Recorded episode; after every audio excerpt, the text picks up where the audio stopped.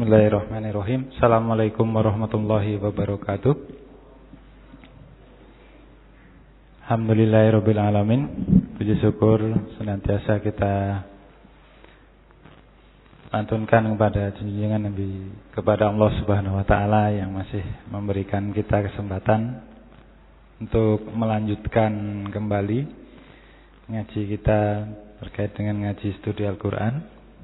Salam dan salam nantiasa terlantunkan kepada Nabi Muhammad SAW dan di bulan ini ingin kita juga ngaji ini sebagai bentuk perayaan untuk memperingati Maulid Nabi Muhammad SAW. Terima kasih kami sampaikan kepada Gus Bayat yang sudah meluangkan waktunya kembali untuk mengisi kajian di Masjid Jenderal Sudirman. Ini merupakan pertemuan yang keenam dari entah berapa kali lagi untuk studi tentang Al-Quran. Karena kami melihat uh, beliau punya pemikiran yang sangat luar biasa dan saya pikir kami pikir itu kalau tidak dimanfaatkan sayang. Nah keinginan kami untuk ngaji ini sebenarnya ingin lebih melihat uh, Al-Quran sebagai sumber ajaran, bagaimana itu dipahami dalam banyak sudut pandang dan konsentrasi yang Kuswayat uh, tuju untuk menstudi Al-Quran ini ya apa dalam tinjauan ilmu-ilmu sosial atau lebih spesifiknya materialisme historis. Tapi kalau mungkin teman-teman yang baru kali ini ikut mengaji, memang ada baiknya untuk e, mendengarkan lebih dulu bagaimana pengantar dari ngaji ini, kemudian pokok-pokok bahasan yang sudah e, disenggarakan. Karena kadang ada pertanyaan yang itu sebetulnya sudah dibahas di pertemuan yang lalu. Nah, untuk menjaga link, untuk menjaga pemahaman itu mungkin bisa diperdengarkan uh, rekaman dan uraian yang Gus Wayat sudah sampaikan di pertemuan-pertemuan yang lalu. Uh, kami juga sebenarnya ingin di 2007 mungkin nanti ada beberapa Oh iya, 2017. 2007. 2017 mungkin nanti akan ada beberapa hal baru di kegiatan kami. Kalau selama ini baru ada ngaji, kemudian ada di bidang literasi, nanti mungkin juga ada bidang media. Nah, tiga hal itu yang tiga ini itu yang kemungkinan ialah upaya kami untuk bagaimana memakmurkan masjid dan tentunya juga uh, keterlibatan teman-teman bisa menulis ataupun datang ikut mengaji, meramaikan dan lain seterusnya itu juga bagian dari cara kami untuk memamurkan masjid. Jadi terima kasih atas dukungan teman-teman sekalian dan juga kepada para pembicara dan terutama juga malam hari ini kepada Gus Bayat yang sudah meluangkan waktunya. Uh, minumannya belum datang tapi pisang kodoknya bisa diambil lebih dulu, nggak apa-apa nanti sambil nyusul. Mari kita mulai ngaji kita malam hari ini dengan sama-sama membaca surat Al-Fatihah. Al-Fatihah.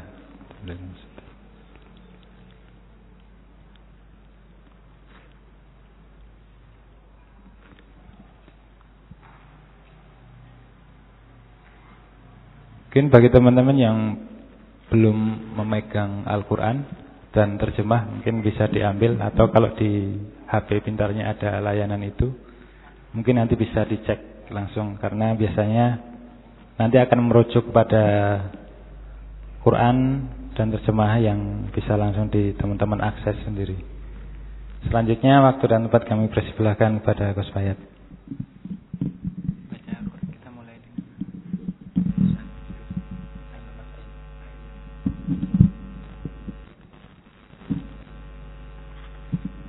Assalamualaikum warahmatullahi wabarakatuh Bismillahirrahmanirrahim Alhamdulillahirabbil alamin. Wassalatu wassalamu ala asyrafil anbiya mursalin sayyidina Muhammadin wa ala alihi wa sahbihi ajmain amma ba'd. Alhamdulillah wa syukrulillah pada malam hari ini kita bisa kembali bertatap muka bersilaturahim pemikiran dalam rangka e, menindaklanjuti kajian Al-Quran pendekatan materialisme historis yang alhamdulillah sudah memasuki edisi ke-6 ya. E, sebelumnya saya minta maaf atas penundaan sesi kali ini yang sedianya di, di sekitar lima hari yang lalu ya dilaksanakan karena satu dan lain hal terpaksa harus e, ditunda dan mungkin sebagian yang sempat hadir kemarin tidak bisa hadir pada malam hari ini. Ya, sebelumnya mari kita mulai dengan membaca surat Al-Qur'an Al-Qasas ayat 26 sampai 28 yang akan dibaca oleh Mas Ain ya. Silakan. Beserta terjemahannya. Ya, saya ralat Al-Qasas 23 sampai 28.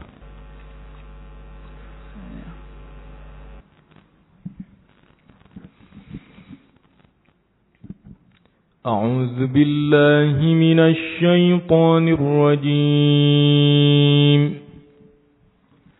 بسم الله الرحمن الرحيم ولما ورد ماء مدين وجد عليه أمة من الناس يسقون ووجد من دونهم امرأتين تذودان قال ما خطبكما قالتا لا نسقي حتى حتى يصدر الرعاء وأبونا شيخ كبير. فسقى لهما ثم تولى إلى الظل فقال رب إني لما أنزلت إلي من خير فقير. فجاءته إحداهما تمشي على استحياء قالت إن أبي يدعوك ليجزيك أجر ما سقيت لنا فلما جاءه وقص عليه القصص قال لا تخف نجوت من القوم الظالمين. قالت إحداهما يا أبت استأجره إن خير من استأجره استأجرت القوي الأمين. قال إني أريد أن أنكحك إحدى ابنتي هاتين على أن تأجرني ثماني حجج. فإن أتممت عشرا فمن عندك. وما أريد أن أشق عليك ستجدني إن شاء الله من الصالحين قال ذلك بيني وبينك أيام الأجلين قضيت فلا عدوان عليّ أيما الأجلين قضيت فلا عدوان علي والله على ما نقول وكيل.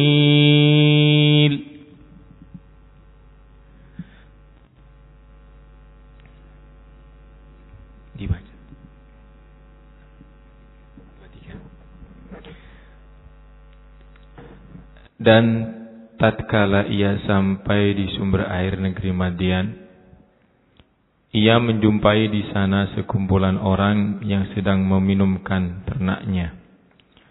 Dan ia menjumpai di belakang orang banyak itu dua orang wanita yang sedang menghambat ternaknya.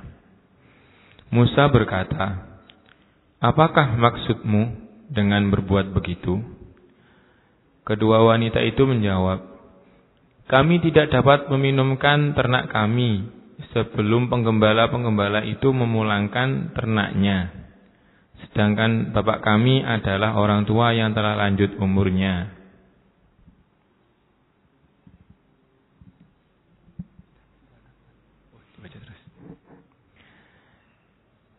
Maka Musa memberi minum ternak itu untuk menolong keduanya.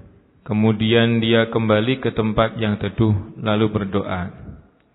Ya Tuhanku, sesungguhnya aku sangat memerlukan sesuatu kebaikan yang engkau turunkan kepadaku. Kemudian datanglah kepada Musa salah seorang dari kedua wanita itu berjalan kemalu-maluan. Ia berkata, Sesungguhnya Bapakku memanggil kamu agar ia memberi balasan terhadap kebaikanmu memberi minum ternak kami. Maka tatkala Musa mendatangi bapaknya, Shu'aib, dan menceritakan kepadanya cerita mengenai dirinya, Shu'aib berkata, Janganlah kamu takut, kamu telah selamat dari orang-orang yang zalim itu. Salah seorang dari kedua wanita itu berkata, Ya bapakku, ambillah ia sebagai orang yang bekerja pada kita. Karena sesungguhnya orang yang paling baik yang kamu ambil untuk bekerja pada kita, ialah orang yang kuat lagi dapat dipercaya. Berkatalah dia Shu'aib. Sesungguhnya aku bermaksud menikahkan kamu dengan salah seorang dari se kedua anakku ini. Atas dasar bahwa kamu bekerja denganku delapan tahun. Dan jika kamu cukupkan sepuluh tahun, maka itu adalah suatu kebaikan dari kamu. Maka aku tidak hendak memberati kamu. Dan kamu insya Allah akan mendapatiku termasuk orang-orang yang baik. Dia Musa berkata, Itulah perjanjian antara aku dan kamu. Mana saja dari kedua waktu yang ditentukan itu aku sempurnakan. Maka tidak ada tuntutan tambahan atas diriku lagi. Dan Allah adalah saksi atas apa yang kita ucapkan. Terima kasih. Uh, Alhamdulillah wa syukurillah. Ya, sangat senang sekali mendengarkan tilawatul Quran yang sangat merdu tadi. Ya, pada malam hari ini kita uh, akan berbicara tentang apa satu topik yang menurut saya sangat menarik pastinya. Dan ini baru awal saya kira dari uh, pembacaan atas tema ini dalam Al-Qur'an yaitu mencari figur pekerja upahan di dalam Al-Quran. Kita tahu bahwa e, masalah pekerja ini sebenarnya bagian dari pencarian kita atas e, posisi dan figur dari daya-daya produktif ya atau produktif force di dalam e, produksi sosial suatu masyarakat. Eh, kita sebelumnya sudah pernah mengkaji tentang petani misalnya dan nelayan yang itu memiliki figur konkret ternyata di dalam Al-Quran dan tidak bisa kita abaikan begitu saja sebagai suatu kekuatan e, atau figur dari daya produktif tersebut. Nah, ini saya kira figur yang tidak bisa dielakkan juga di dalam kajian Al-Quran ya, itu adalah figur pekerja upahan. Karena kalau kita berbicara tentang pekerja upahan, kita sebenarnya sedang masuk kepada e, benang merah dari e, apa sistem yang saat ini bekerja, yaitu kapitalisme. Nah, kira-kira bagaimana Al-Quran bertanyaannya berbicara tentang pekerja upahan tersebut. Nah, saya sengaja memilih e, cuplikan khususnya dari Al-Qasas ayat 26 sampai 28. Tadi yang dibaca 23 sampai 28. Karena ayat-ayat ini cukup e, saya kira cukup apa? kuat ya. Ini sangat kuat pesannya di dalam mengangkat e, figur pekerja upahan itu.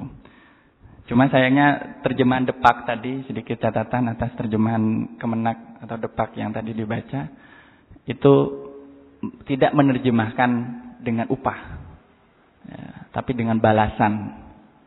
Ya, jadi ketika Nabi eh, ketika apa Nabi Musa di, diundang ya oleh salah satu putri dari Syekh Madian tadi eh, diterjemah dengan ayah kami akan memberikan balasan ya. Padahal ajar kata al ajar di situ lebih tepat diartikan sebagai upah. Nah, saya akan eh, sekilas mungkin mereview apa saja yang terangkum dari ayat-ayat tersebut ya. Biar pen, eh, diskusi kita agak sedikit apa mendarat begitu ya. Jadi secara naratif ada prosesi, ada semacam prosesi di dalam ayat-ayat itu. Yang prosesi ini sebenarnya kalau kita baca sebagai kisah saja, itu kita tidak akan menangkap dimensi materialisnya sebenarnya. Yang sebenarnya justru kita harapkan bisa kita gali dari pembacaan kita ini. Jadi eh, saya mencoba melihat dari sudut pandang yang lain, yang saya sebut dengan materialisme historis itu, dan tentang itu sekali lagi bisa nanti didengar di sesi-sesi yang sudah sebelumnya ya. e, pertama mungkin sebelum masuk prosesi ini lebih pada kenapa kok pekerja upahan itu menjadi satu faktor yang sangat penting ya. E, kita saya kira e, harus mengakui bahwa Al-Quran itu punya posisi yang sangat jelas sebenarnya tentang figur pekerja. Ya. Selama ini figur-figur daya produktif itu e, bisa kita bilang cenderung termarginalkan, ya, cenderung tidak dibaca, sehingga seolah-olah Al-Quran itu berbicara tentang e, umat manusia pada tataran yang abstrak. Ya. Misalnya umatan wasata, ya konsep umat, konsep manusia, al-insan, an-nas, orang-orang Padahal ternyata ada figur-figur yang konkret. Nah ini yang harus kita cari dengan penelusuran kita. Dan figur pekerja upan ini akan sangat penting untuk memahami perkembangan dari e, realitas ekonomi politik. Jadi prosesi naratifnya kurang lebih seperti ini. Jadi pertama, e, saya kira semua semua kawan-kawan di sini saya kira relatif akrab ya dengan kisah ini. Pertama yaitu Nabi Musa alaihissalam yang waktu itu belum diangkat sebagai nabi. Karena waktu itu belum menerima wahyu pertama sebagai nabi. Jadi Nabi Musa menjadi seorang apa? Nabi itu setelah peristiwa ini. Setelah peristiwa ini. Jadi di dalam kitab-kitab tafsir biasanya disebut Musa saja, bukan Nabi Allah Musa. Nabi Musa alaihissalam mendatangi sumber mata air di Madian setelah lari dari kejaran orang-orangnya Firaun. Jadi waktu itu Nabi Musa eksil ya. E, apa? E, lari karena diburu Interpol ya. Jadi lari dari kejaran orang-orangnya Firaun, kemudian beliau tersesat dan beliau meminta petunjuk kepada Allah dan tibalah beliau di suatu kampung kecil yang bernama Madian. Dan Eh, saya akan sedikit bercerita tentang tafsir ini dari sudut pandang para mufasir uh, klasik. Khususnya dari tafsir Ibnu Katsir, kemudian tafsir Fakhruddin Ar-Razi yang disebut Mafatihul Ghaib dan tafsir dari Imam Az-Zamakhsyari, seorang mufasir Mu'tazilah uh, yang berjudul Tafsir Al-Kasyaf. Uh, itu ya. Jadi kalau membaca kitab tafsir, ya sangat jelas diuraikan prosesinya. Jadi Nabi Musa mendatangi sumber mata air dan beliau bertemu dengan e, di sini digambarkan dengan Ma'amadian. Jadi sumber mata air itu airnya air Madian. Tidak disebutkan seperti apa. Apakah itu sungai, sumur, tapi sepertinya sumur. Kemudian beliau bertemu dengan sekumpulan orang laki-laki yang menurut kitab-kitab tafsir itu berjumlah sekitar 40 e, orang. Dan mereka sedang mengambil air. Kemudian ada dua orang perempuan putri dari seorang yang disebut dengan Syekh Madian di sini. Ya. Wa abuna Syekhun kabir. Ya. Dua orang putri ini menunggu giliran untuk keperluan ternak mereka. Jadi mereka punya ternak ghanam atau kambing yang terpaksa mereka tahan yaitu tercermin dari ayat wa wajada min dunihi mumra'ataini tazudan. Tazudan itu artinya sedang menahan gembalaan. Dan e, begitu melihat orang-orang itu Nabiullah Musa penasaran. Kemudian bertanya, "Wa ma ma qala ma khutbukuma?" Ya. Artinya ada apa? Masalah apa dengan kalian? Ternyata karena mereka menunggu untuk bubarnya 40 laki-laki itu. Ini fenomena yang menarik sebenarnya ada perempuan di tengah kumpulan laki-laki. Satu fenomena yang sangat sebenarnya cukup ganjil pada zaman itu.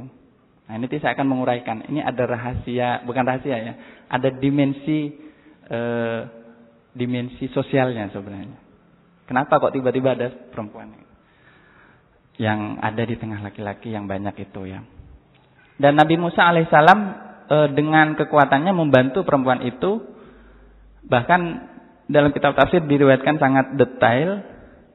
Nabi Musa itu mengangkat batu yang tidak mampu diangkat oleh 40 orang laki-laki itu. Entah batu itu mungkin dibutuhkan untuk e, mengangkat air atau mungkin membuat air itu lebih subur apa lebih kuat memancar mungkin ya. Dan itu dilihat oleh kedua perempuan muda itu ya. Nah, Nabi Musa membantu dan beliau istirahat dalam keadaan kelelahan. Nah, ternyata menurut kitab tafsir eh, berhari-hari sebelumnya Nabi Musa itu tidak makan. Jadi di, di antara kejaran itu, kejaran dari Interpolnya Fir'aun itu, beliau itu apa? Tidak makan. Jadi beliau e, hanya makan dari rumput-rumput kering. Jadi penderitaan luar biasa dari Nabi Musa alaihissalam. Jadi beliau kelelahan, kemudian fasakolahuma, yang Nabi Musa mengambil air untuk keduanya, kemudian tumatawalla iladzil, kemudian bernaung di bawah ini. Kemudian Nabi Musa berdoa, ya Tuhan, aku ini sungguh fakir, sungguh butuh kepada rahmatmu, kepada apa yang kau turunkan. Ya, dari kebaikan. Nah, ini eh, yang menarik rupanya ada adegan yang tidak dikutip di dalam ayat, ayat itu. Bahwa kedua perempuan itu kemudian pulang. Rupanya sepertinya rumahnya tidak jauh dari eh, sumur itu ya, atau mata air itu ya.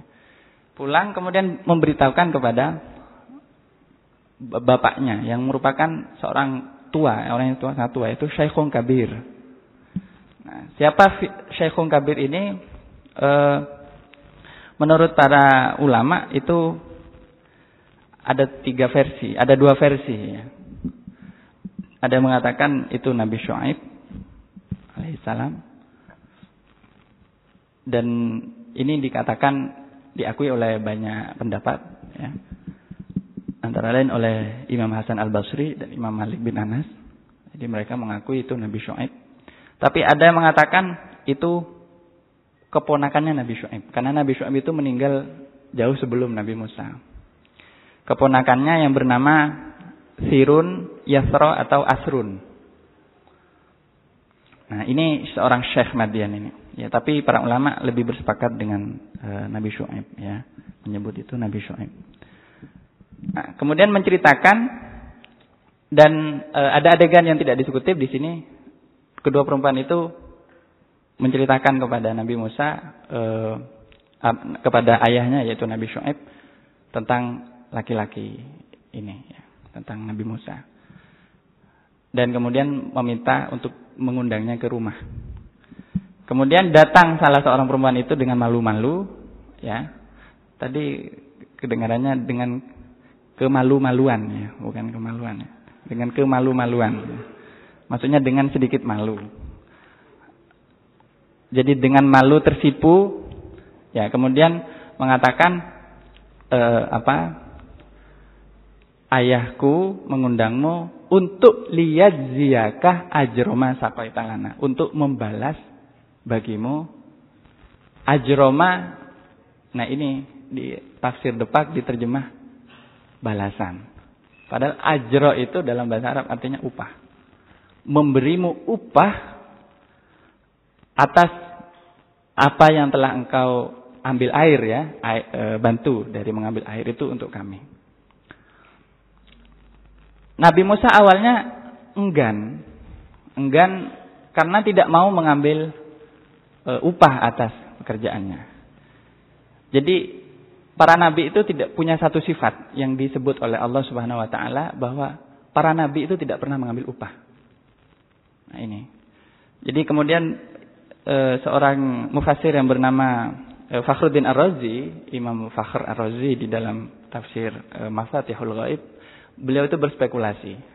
Beliau bertanya, kok bisa e, Nabi Musa itu mau menerima ajr atau upah atas itu. Rupanya itu tidak difahami sebagai upah tetapi sebagai e, penghormatan atau tabarukan ya. Bentuk tabarukan kepada Nabi Syuaib. Jadi Nabi Musa waktu itu mau memenuhi undangan dari kedua perempuan itu karena menghormati Nabi Syuaib. Ya, ada ulama yang mengatakan diberi wahyu oleh Allah tentang syekh atau orang tua yang uh, akan ditemuinya itu. Yang tahu seorang nabi. Jadi sebenarnya sekali lagi Nabi Musa itu tidak pernah mengharapkan mengharapkan imbalan apa-apa. Bahkan ke, dalam sebuah riwayat ketika Nabi Musa ini saya kira Israiliyat ya dari sumber-sumber uh, cerita-cerita orang-orang Yahudi. Uh, Nabi Musa disodori makanan seperti ini, seperti saya disodori makanan seperti ini beliau itu menolak. Kemudian mengatakan e, saya tidak mau. Gitu. Tapi Nabi Shu'aib memaksa dan akhirnya Nabi Musa mau sebagai bentuk penghormatan. Kemudian Nabi Musa menceritakan kisahnya. Dan Nabi Shu'aib mengatakan engkau sudah selamat dari kejaran orang-orang zalim. Tenang. Di sini tidak ada intel di sini, bebas. E, bahkan GPS saja nggak bisa melacak ke tempat kita gitu. Jadi nggak mungkin sudah aman engkau. Nah, ini yang menarik kemudian ada dialog. Salah satu perempuan putri putri Syekh Madian ini yang putrinya itu bernama Sofuro dan Laya. Laya atau Lia. Ini Masya Allah ya. Ini saya kira bentuk emansipasi wanita ini. Jadi tiba-tiba perempuannya nyeletuk gitu ya. Mengatakan, ayah kalau bisa pekerjakan dia untuk kita. Gitu. Jadi perempuannya cukup proaktif. Gitu. Kenapa? Karena melihat Nabi Musa ini dah e, hebat. Jadi Nabi Musa ini bisa mengangkat e, apa batu yang maju katanya. Kuat ya, kuat dan e, apa? Ya langsung sepertinya kesengsem apa? Tertarik pada pandangan pertama begitu. Kemudian Ya abat istajir. Nah dalam bahasa Arab istajir artinya ista istajaro itu artinya mengambil orang sebagai pekerja. Jadi kata ajrun, ajaro, ajaro, ajaro, ajaro, istajaro itu satu akar kata. Ya. Artinya bisa mengupah, memberi upah, kalau istajarah meminta orang bekerja tapi dengan ajar, artinya dengan imbalan berupa upah. Sesungguhnya kata argumentasi dari perempuan ini entah sofuro atau laya itu sesungguhnya ayah bukankah orang yang paling baik engkau ambil pekerja itu adalah orang yang kuat. Ya, ini kuat secara fisik. Ya, kalau maco itu bukan kuat saya kira. Maco itu terlalu seksi. Tapi kuat dalam arti dia bisa melakukan pekerjaan-pekerjaan berat ya, secara manual Nah, ini ada konsep kekuatan e, tenaga kerja sini ya. Dan terpercaya, al-amin. Nah, itu ya. Kemudian nah, ini tiba-tiba e, Nabi e, Nabi Syuaib atau Syekh Madian ini alaihissalam menawarkan kepada Nabi Musa untuk menikahkan salah satu Nabi Musa dengan putri, salah satu dari kedua putrinya ini. Tapi dengan syarat ala anta juroni samania hijaj. Engkau apa? Bekerja kepadaku dengan ajar selama delapan tahun. Nah, fa'id atmam ta'ashra. Kalau engkau sempurnakan sampai sepuluh tahun, famin endik. Maka itu dua tahunnya itu dihitung amal amal sampean, amalmu. Jadi saya tidak akan meminta kamu e, bekerja 10 tahun. Yang saya minta 8 tahun, tapi kalau kamu sempurnakan sampai 10 tahun, artinya 2 tahun lagi, itu anggap sodakoh atau pemberian darimu. Dan saya, wama uridu an asyukka alaik. Saya tidak ingin untuk memberatkan kamu. Engkau akan mendapatkan aku insya Allah sebagai orang-orang yang soleh. Ya. Nah, itu. Kemudian eh, Nabi Musa menerima perjanjian itu. Jadi kemudian mengatakan zalika baini wa bainak itu perjanjian di antara aku dan engkau.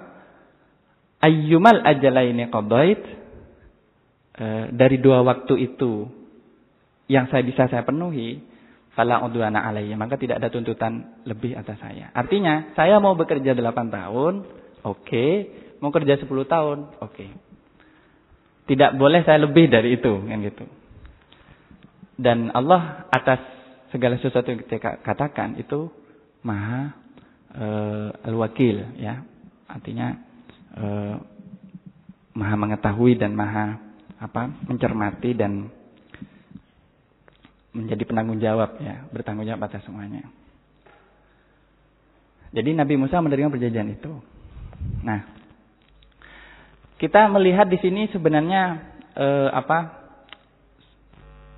Bukan sekadar kisah biasa. Ya. Karena kisah ini sering kemudian dijadikan dalil. Eh, misalnya dalam buah buku ini ya, yang saya sebenarnya ingin kritisi. Ada sebuah buku judulnya Fikih Keseharian Buruh Migran.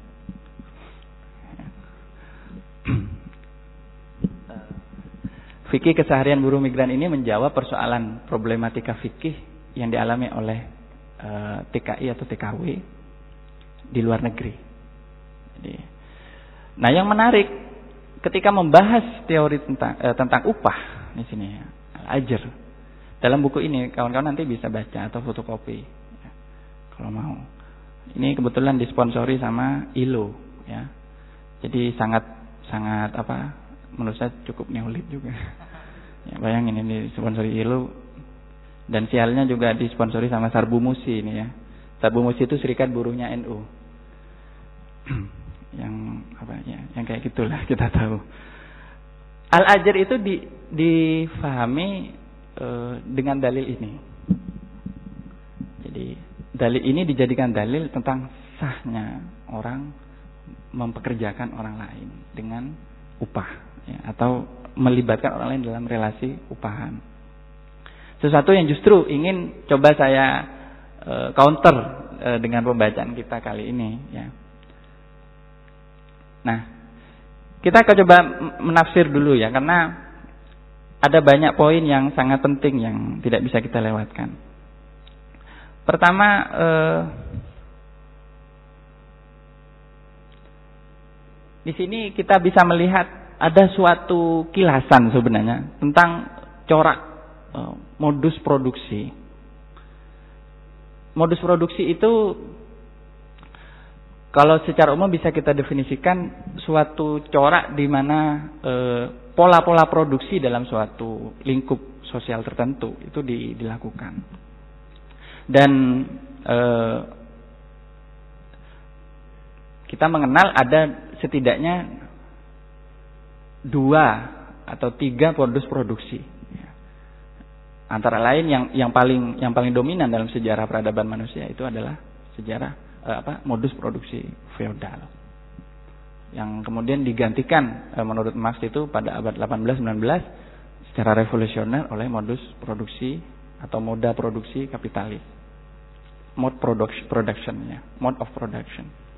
Jadi kita bisa melihat kilasan sebenarnya dari modus produksi ini. Dan ini oleh para sosiolog ya memang diakui ya. Dan ciri-cirinya ternyata sangat eh, apa sangat Eh, dekat sekali dengan apa yang kita temukan dalam eh, ayat-ayat ini. Khususnya Al-Qasas ayat 2, 26 sampai 28. Pertama, ada mata air sebagai commons. Ini ada beberapa istilah yang mungkin perlu perlu diklarifikasi. Commons itu sesuatu yang dimiliki bersama.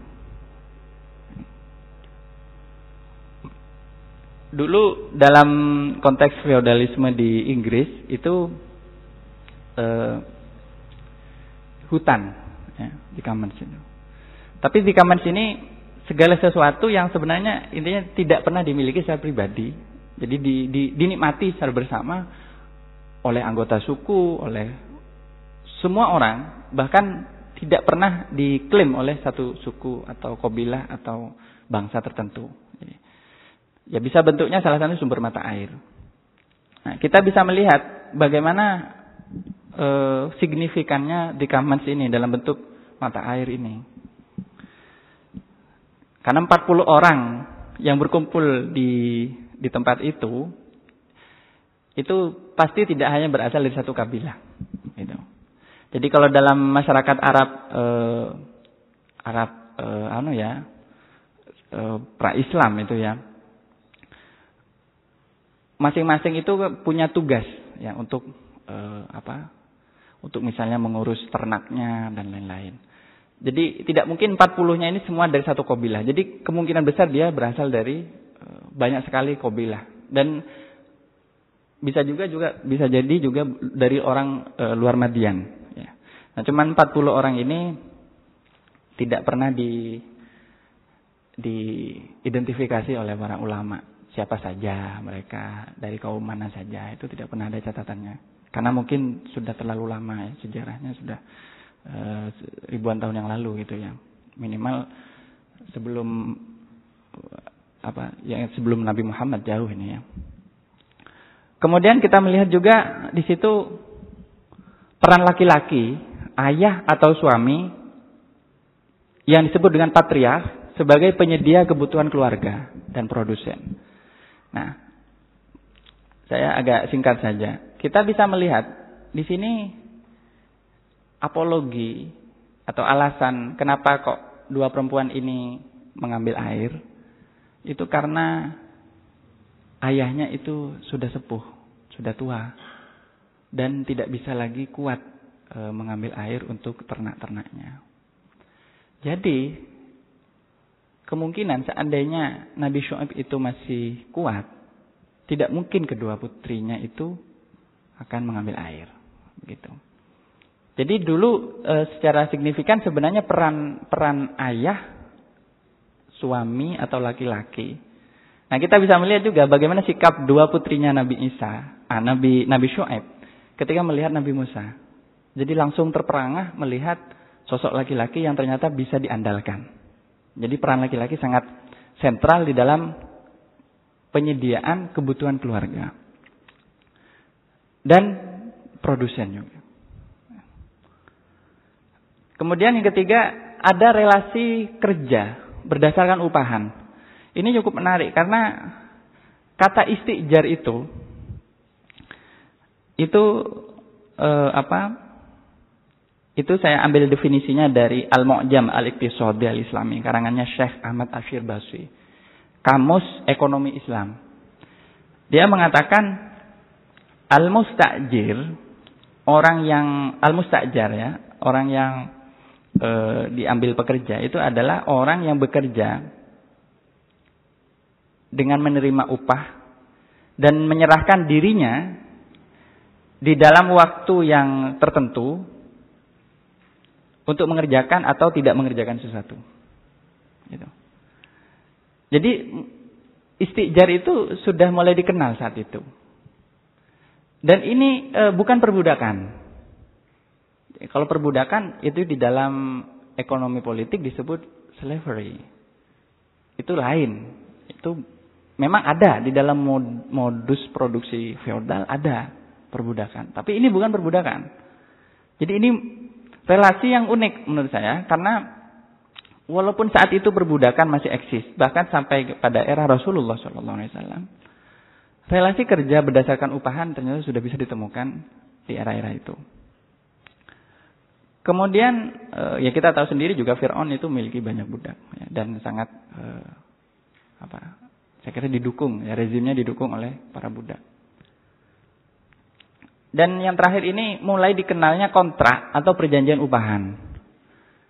Jadi sebenarnya itu bukan fenomena kontemporer atau baru. Perjanjian upahan itu fenomena yang sangat uh, tua. Ya. Nah, ini yang menarik ditandai di dalam ayat ini oleh kata ajal. Ayyumal ajalaina qadait fala udwana alai. Pertama, baini wa bainak. Dzalika baini wa bainak. Ini kan berarti sudah ada transaksi di antara aku dan engkau. Ini menarik ini, karena transaksi ini bukan transaksi kontrak, maaf, kontrak atau perjanjian di antara aku dan engkau. Ini sangat individual sifatnya. Tapi kita akan lihat apa benar-benar individual.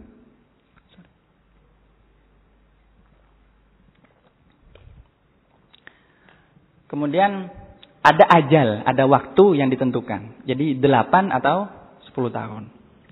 Dan para ulama saat itu uh, di dalam uh, kitab-kitab tafsir eh, apa bertanya ada pertanyaan dari para sahabat. Ini saya kutipkan hadisnya ya. Jadi biar kita juga sambil ngaji hadis itu bertanya kepada sahabat, "Wahai Rasulullah, ayyul ajalain qadha Musa?" Uh, yang ditempuh atau di, dilakukan oleh Nabi Musa itu berapa tahun? Delapan atau sepuluh? Ini teka-teki nih. Jadi dari hadis saya baca dari Mujahid, dari Imam Mujahid ini hadis mursal. Karena Imam Mujahid ini tabi'in, ya tidak anu ya, tidak tidak nutut kepada Rasulullah. Bahwa Nabi suatu saat bertanya kepada malaikat Jibril, ya. Ayul ayul ajalain atau ajal ajalain qadha Musa. Dari dua waktu itu mana yang di, di dilunasi ya, di, ditunaikan oleh Nabi Musa? Kemudian malaikat Jibril berkata, "Faqala, saufa as'alu Israfil." Saya akan bertanya kepada malaikat Israfil. Jadi malaikat Jibril nggak tahu. uh, ini menarik ini. Karena hadis ini saya kira menarik ya. Bagaimana Rasulullah belajar ya kepada para malaikat. Ini peristiwa gaib ya sekali lagi. Kalau ini sudah tidak masuk dimensi materialis ini. Ya. Tapi kalau mau dimaterialiskan juga Ya, mokso namanya. Kemudian Israfil itu tanya, ya.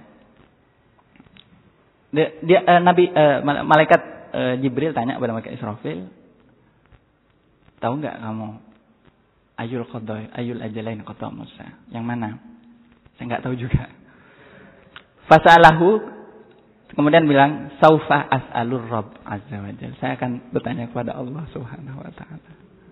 Jadi yang ditanyakan akhirnya ke sumbernya. Nah ini menarik ini. Masya Allah. Ini hadis kutsi ya. Kemudian berkata Allah berkata faqala abarrahuma wa aufahuma.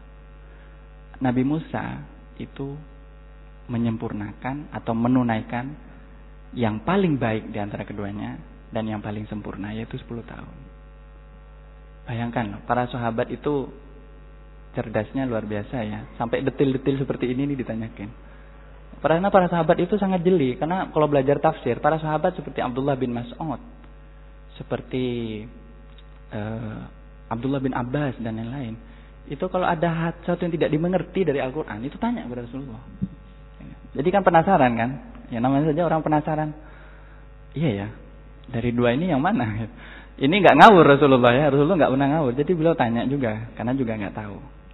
Hanya langsung ditanyakan kepada Ar-Rabb Azza wa Jal, sumbernya langsung kemudian mengatakan. Jadi Nabi Musa 10 tahun intinya.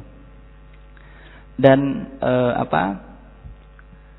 Jadi Nabi Musa intinya menyelesaikan dalam waktu yang paling lama. Jadi ini ini saya kira etika dalam penafsiran orang itu kalau tidak tahu tafsir ya bilang aja tidak tahu. Tapi kalau mufasir mufasir sekarang ini kadang kebangetan ya. Sok tahu ya. Di Al-Qur'an misalnya, Ashabul Kahfi ada berapa? Allah saja tidak memberi jawaban ada berapa. Menjawab, wah ada pokoknya ada deh, 10 gitu. Saya nggak tahu berapa. Itu kan ngawur itu. Detil-detil sejarah tentang hal itu, seperti hal itu, itu tidak boleh kita jawab dengan apa dengan sok tahu gitu ya. Itu harus benar-benar ada referensi e, tekstualnya gitu. Ya kalau anda penasaran tentunya. Kalau tidak penasaran juga nggak apa-apa. Nah saya ingin mengajak e, kawan-kawan ini bertanya dulu. Karena kita sedang menyelidiki sebenarnya bukan upahnya ya. kita akan mengkaji upah ini nanti di lain kesempatan saya kira. Jadi saya lebih fokus pada e, figur pekerjanya Saya ingin bertanya dulu kira-kira kalau melihat seperti ayat paparan ayat yang tadi itu, yang tadi itu ya, ini kira-kira masuk mana? Ini bukan tebak-tebakan, jadi nggak perlu tanya ke Malaikat Jibril ya. Jadi, modus produksi feodal atau modus produksi kapitalis? Ya. Karena ada sebuah hipotesa Eh, saya baca di bukunya Mas Eko Prasetyo itu kita pembebasan tafsir progresif atas kisah-kisah dalam Al-Quran bahwa corak kapitalisme itu sudah dikenal sejak era Nabi Shu'aib. Gitu. Waktu Nabi Shu'aib masih aktif berdakwah. Gitu. Karena di era Nabi Shu'aib itu e, sudah dikenal mata uang, kemudian neraca. Jadi sudah dikenal pola-pola yang cukup e, memenuhi syarat sebagai kapitalisme. Itu itu hipotesanya uh, Mas uh, Mas Eko Prasetyo ya di buku itu. Tapi saya tidak begitu yakin juga, makanya saya masih mempertanyakan. Nah, tapi kalau kita melihat sebenarnya apa yang tercermin atau terrefleksi dari ayat ini itu apa? Nah, pertama saya akan mengecek dari beberapa parameter ya. Pertama, melihat apa yang diproduksi oleh kerjanya. Nah, kita sebenarnya belum mengkaji konsep kerja ya, konsep upah juga belum secara khusus di dalam Al-Qur'an karena tidak cukup dengan membaca hanya satu ayat kalian harus melihat e, konstelasinya e, kaitannya dengan ayat-ayat yang lain juga. Tapi kita melihat dulu mengidentifikasi. Ini kan coba kita melakukan pendekatan ya. Apa yang diproduksi oleh kerjanya? Nilai guna atau nilai pakai atau nilai tukar. Ini untuk Anda bisa membedakan apakah suatu aktivitas itu sedang berada dalam modus produksi feodal atau sudah masuk ke kapitalis.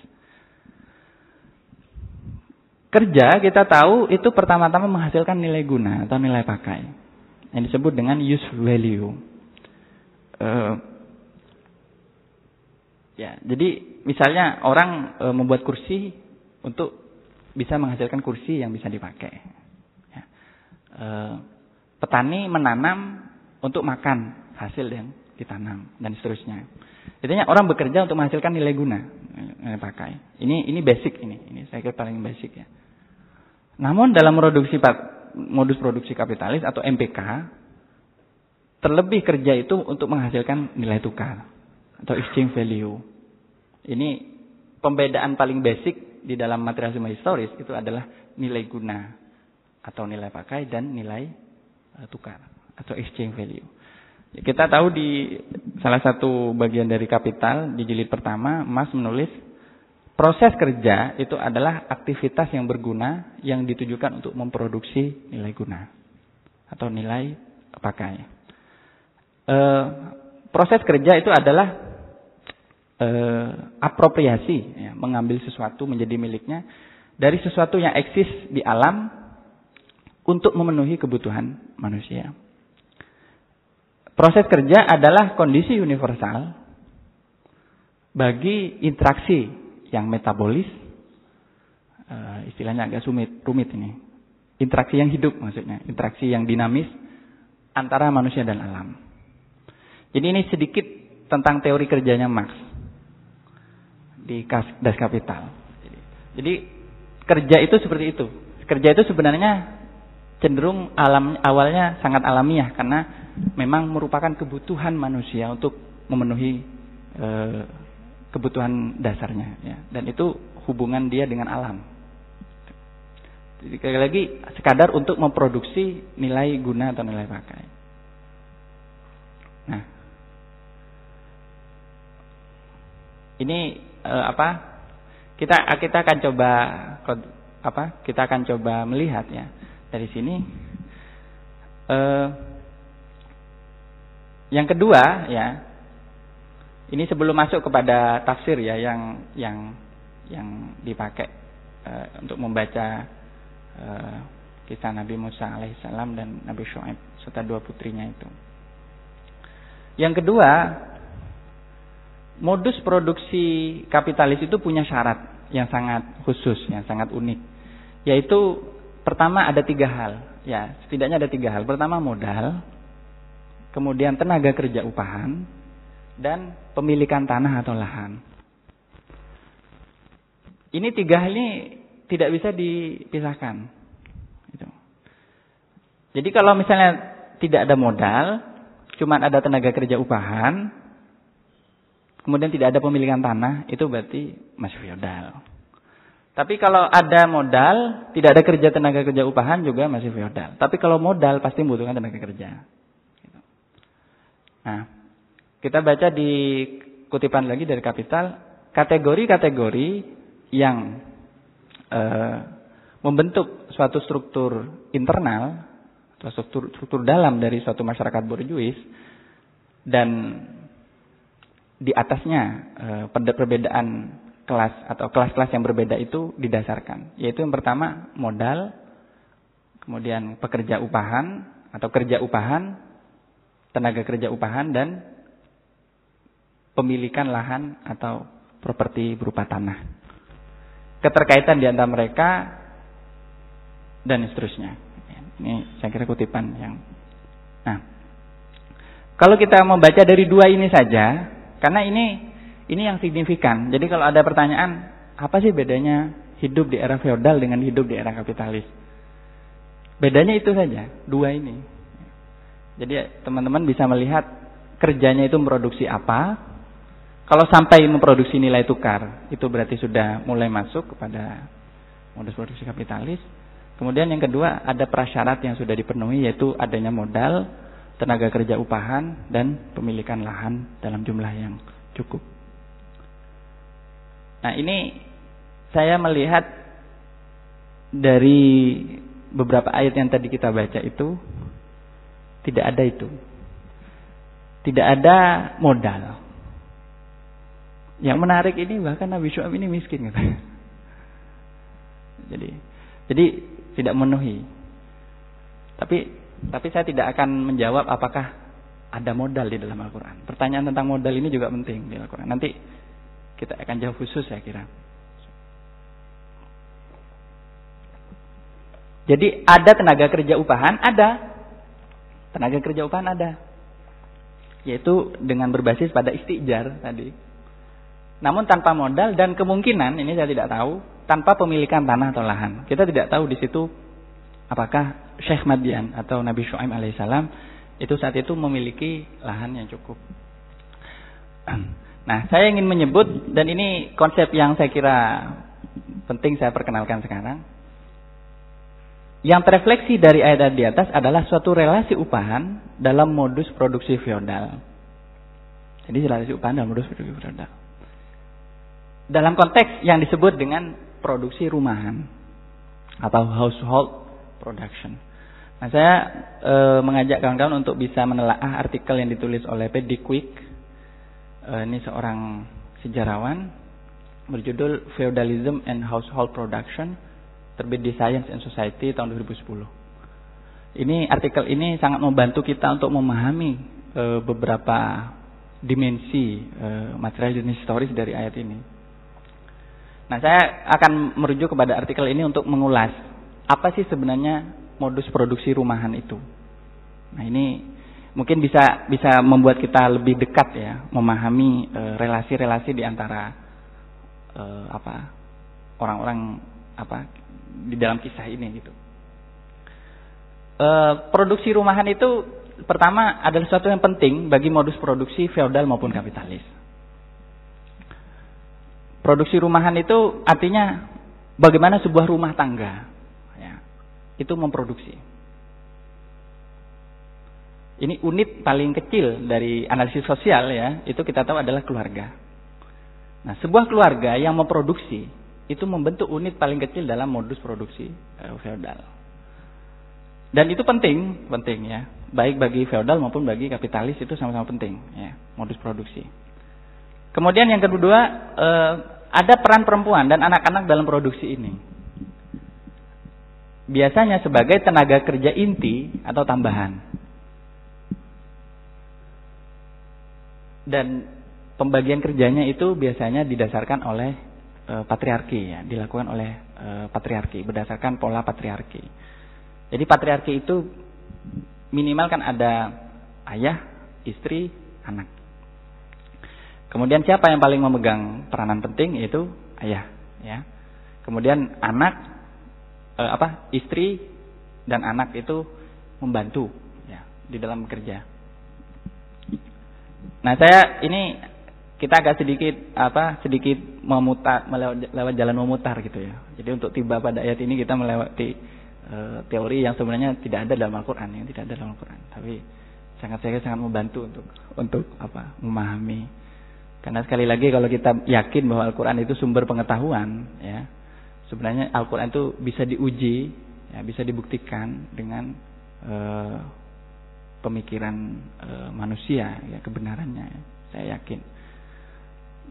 Ada menurut uh, Pediquick ada empat empat produksi, ada empat kategori produksi rumahan.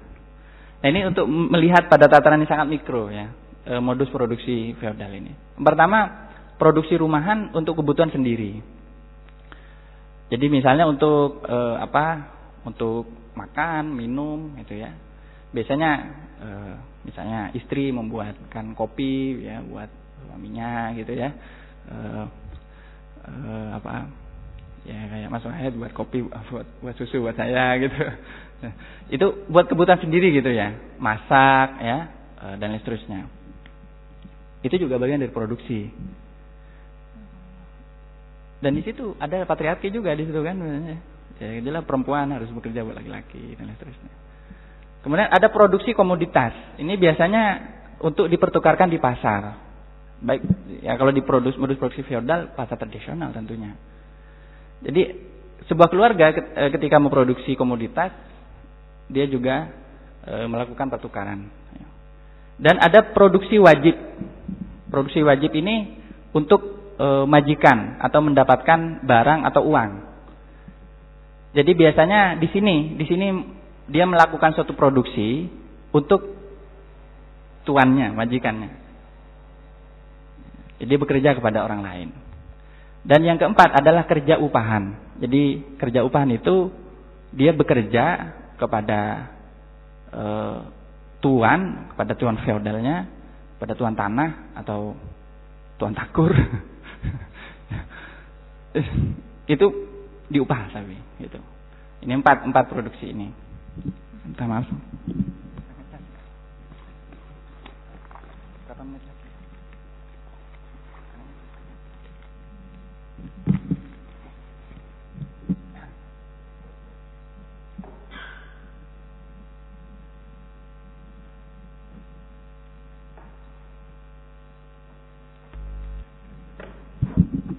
Nah, di dalam modus uh, produksi feodal itu yang saya ketahui itu uh, ada pembedaan kerja juga.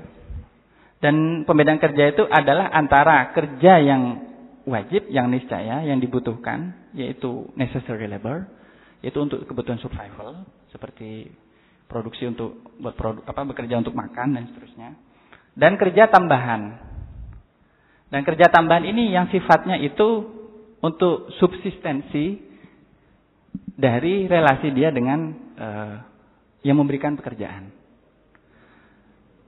Nah, ini biasanya diterapkan dengan dua term tadi ya, kerja yang dibutuhkan yaitu necessary labor di mana dia bekerja untuk dirinya dan kerja tambahan di mana dia bekerja secara terpaksa maupun dipaksa untuk tuan feodal atau majikannya. Ini menurut Marx menentukan siapa yang memerintah dan siapa yang diperintah. E, kata Marx, bentuk spesifik di mana kerja yang lebih itu tidak dibayar, itu di apa? diambil ya dari produsen yang langsung. Ya, artinya misalnya petani yang awalnya menjadi produsen langsung bagi tanaman yang dia tanam, itu pada akhirnya dia tidak bisa menanam lagi apa yang dia tanam, tapi dia harus bekerja kepada sang pemilik eh, apa? Pemilik lahan atau tuan tanah itu menentukan relasi antara yang memerintah dan yang diperintah. Jadi kalau kita mau melihat e, aspek ya boleh dibilang penindasannya, eksploitasinya itu ada pada surplus labor. Ada pada kerja yang berlebih atau kerja tambahan tadi. Itu hasil pekerjaannya. Karena di situ seorang pekerja tidak lagi bekerja untuk dirinya, tapi untuk uh, orang lain. Nah, dan ada juga yang keempat tadi ya, yaitu kerja upahan. Nah, biasanya ke pekerja upahan itu bekerja atau dipakai atau dipekerjakan itu sewaktu-waktu. Nah, kita bisa membedakan di sini ya. Ini perlu dibedakan eh, secara teoritis antara tuan tanah antara dua relasi.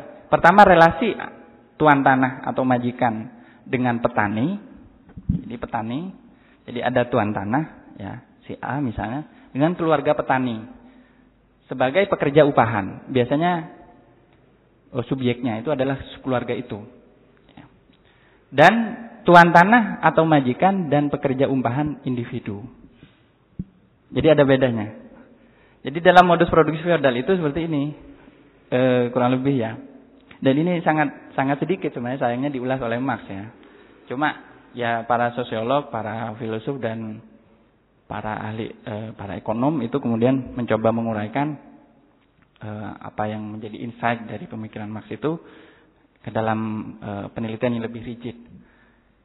Jadi ada yang jadi ini ada tuan tanah ya si A misalnya dia membekerjakan eh, keluarga B yang merupakan keluarga pekerja tani, tani eh, buruh tani tapi buruh taninya ini seluruh keluarganya itu bekerja kepada tuan tanah si A. Tapi dia juga punya pekerja individual yang itu bisa dibayar suatu waktu.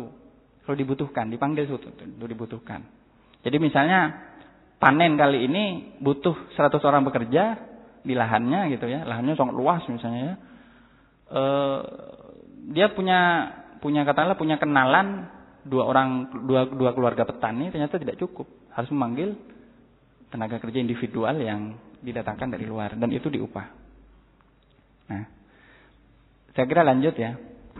Nah, eh, itu di di sisi keluarga eh, yang produksi, artinya keluarga petani kecil, keluarga buruh tani maupun keluarga pada tataran yang eh, apa bekerja kepada majikan tadi. Tapi di sisi lain ada eh, produksi rumah majikan produksi rumahan majikan. Ini konsep konsep yang lain. Disebut juga dengan lordly household. Jadi di rumah majikan itu juga berproduksi sebenarnya. Jadi sekompleks juga ya. Ternyata masyarakat feodal itu tidak sederhana gambaran kita gitu. Kita kan sedang berpikir, ah kalau masyarakat feodal itu paling urusannya cuma tuan tanah sama e, karyawannya gitu. Ternyata enggak. Itu di balik itu juga banyak relasi-relasi yang cukup kompleks. Jadi di rumah majikannya itu ternyata juga ada eh, ada produksi. Definisinya seperti ini, kurang lebih produksi rumah majikan itu adalah tempat produksi di mana nilai tambahnya itu diambil dari kerja para anggota di rumah eh, rumah majikan itu atau rumah tuan tuan tanahnya itu, yaitu para pelayannya. Nah, biasanya dilakukan di dua dua tempat, di lahannya ya oleh keluarga tani atau pekerja upah individual maupun di selain lahan. Jadi misalnya di peternakan atau kalau dia punya usaha sampingan di usaha-usaha yang dia kelola. Itu relasi feodalnya melibatkan tidak hanya lahan saja gitu. Nah, e, para sosiolog ya itu membedakan antara dua dua tipe pekerja. Jadi pekerja itu juga macam-macam. Pertama pelayan, ya, pelayan itu servant. Ya.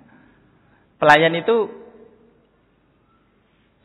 disebut gini, e, didefinisikan sebagai anggota rumah dari rumah tangga dari majikan itu. Jadi kalau pelayan itu ya orang yang bekerja di situ. Tapi dia merupakan bagian dari rumah tangga itu sendiri. Jadi misalnya diambil anak, ada e, anak keluarga petani misalnya diambil anak oleh e, majikannya, itu bekerja di situ. Itu sebagai pelayan dan biasanya tidak dan tidak dibayar. Jadi tidak ada relasi pahan. Kalau pelayan itu tidak dibayar, jadi memang dia kerjanya melayani. Tapi harus dibedakan karena kategori pelayan ini bukan budak. Budak itu dalam modus produksi feodal juga atau pra feodal mungkin budak itu e, bisa dijual. Kalau pelayan tidak. Jadi pelayan itu juga punya punya katakanlah individualitas ya. Cuman dia e, terbatas gitu. Karena dia harus terikat kepada majikannya. Dan harus dibedakan antara pelayan dan tenaga kerja upahan. Nah, kalau tenaga kerja upahan itu bisa dipekerjakan sebagian waktu dan diupah. Jadi dia tidak termasuk ke dalam struktur dari keluarga atau rumah tangga dari sang majikan. Nah, pekerja upahan itu dipekerjakan sebagian waktu dan diupah dan dia menghasilkan nilai guna e, dan nilai tukar. Entah untuk memproduksi suatu komoditas maupun sekadar untuk memenuhi kebutuhan e, majikannya. Nah, saya e, akan coba melihat ya. Memang tidak semua apa hal yang kita teorikan ini eh, terefleksikan secara sempurna di dalam ayat ini. Tetapi kita bisa melihat ya, adanya suatu suatu eh, apa? bias ya. Suatu bias walaupun tidak tidak utuh gitu. Tentang eh, apa? figur pekerja.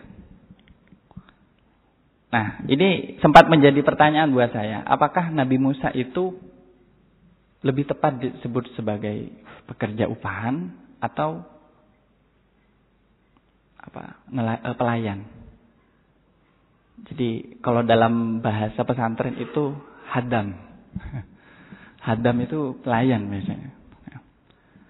Nah, kita bisa melihat dari pertama dari Syekh Madiannya. Syekh Madian atau Nabiullah e, di sini Nabiullah Syuaib ya, diyakini sebagai Nabiullah Syuaib. Itu pertanyaannya apakah beliau ini seorang tuan tanah? Ini tidak ada bukti historis tentang hal itu. Dan kita melihat sepertinya tidak. Gitu. Dan apakah beliau itu bisa dibilang majikan? Tidak juga. Bahkan dalam kitab tafsir disebutkan beliau ini seorang yang fakir, seorang yang sangat miskin. Gitu. Jadi eh, kalau ada kemudian tuan tanah ya melegitimasi atau uh, seorang majikan ya melegitimasi dirinya dengan ayat ini, dia salah sasaran. Nah, karena pertanyaannya apakah Nabi Syuaib itu seorang uh, tuan tanah atau majikan? Tapi yang nomor dua ini saya kira penting bahwa Nabi Syuaib atau Syekh Madian, saya menyebutnya Syekh Madian, itu adalah pemegang produksi dari produksi rumahan. Jadi dalam moda produksi kapit, eh, feodal sangat jelas bahwa eh, ayah, patriark, suami, laki-laki itu adalah sumber dari produksi e, rumah tangganya sendiri. Jadi perempuan di situ hanya menjadi figur e, sekunder sebenarnya. Jadi dua orang perempuan ini bekerja karena menggantikan peran dari sini. Tapi seandainya perempuan ini e, tidak dibutuhkan, dia tidak akan bekerja. Dan mungkin dia akan menjadi tenaga kerja tambahan atau surplus labor dari keluarga itu. Nah ini yang menarik. Sebenarnya jadi dari pertanyaannya, dengan upah apa sebenarnya Nabi Syu'ab itu mempekerjakan Nabi Musa? Nah menurut para uh, ulama, karena merujuk kepada hadis dari uh, Ibnu Abi, riwayat dari Ibnu Abi Hatim, dari Utbah An-Nuddar As-Sulami, ini saya bacakan. Hadisnya begini. Dari Utbah bin An-Nuddar As-Sulami, Qala berkata, Qala Rasulullah sallallahu alaihi wasallam Rasulullah berkata sesungguhnya inna Musa ajara nafsahu bi'affati farjihi wa ta'mati batnihi. Rawahu Ibnu Abi Hatim. Sesungguhnya Nabi Musa itu mengupah ini, mengupah dirinya dengan menjaga kemaluannya ya dan memberi makan perutnya. Ini hadis ini mungkin agak sukar, sukar untuk di anu ya, di dicerna karena maksudnya apa? Maksudnya pertama Nabi Musa mendapatkan makanan ya, dalam selama kerjanya kepada Nabi Shu'aib itu. Di selama delapan tahun beliau itu ditanggung kebutuhan biologisnya makan ya. Tapi beliau juga mendapatkan Eh, ada yang mengatakan beliau ini diupah makanan dan pakaian. Ya, pakaian dan makanan. Dan ada yang mengatakan ini mungkin dasar dari Fakhruddin Ar-Razi di dalam kitab tafsirnya itu menyatakan bahwa upahnya itu adalah mahar pernikahan. Jadi jadi upahnya itu adalah nantinya dia bisa e, menikah dengan salah satu putri dari Nabi Shu'aib. Pertanyaannya begini, kalau bagi kita boleh nggak bekerja dengan upahnya mahal? Saya boleh tanya. Boleh. Jadi, Pak, saya ini mahasiswa Pak, kere. Uh, saya uh, apa cuti satu tahun dari UIN gitu untuk bekerja kepada bapak gitu ya tapi saya tidak usah dikasih uh, uang kuliah gitu ya saya kasih putri bapak saja gitu. Oh iya nak ya ya kamu kerja sama saya ya kayak Nabi Musa dulu ya jadi saya kasih waktu antara 4 sama 6 tahun gitu.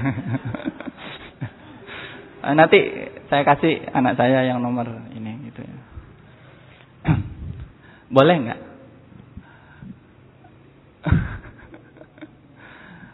Bolehkah mahar pernikahan itu menjadi upah? Menurut para ulama tidak boleh. Kenapa? Itu syariat zaman Nabi Syuaib. Jadi syar umang. Jadi kasihan Anda itu, nggak bisa. Jadi sudah tidak bisa. Tapi pada saat itu mungkin.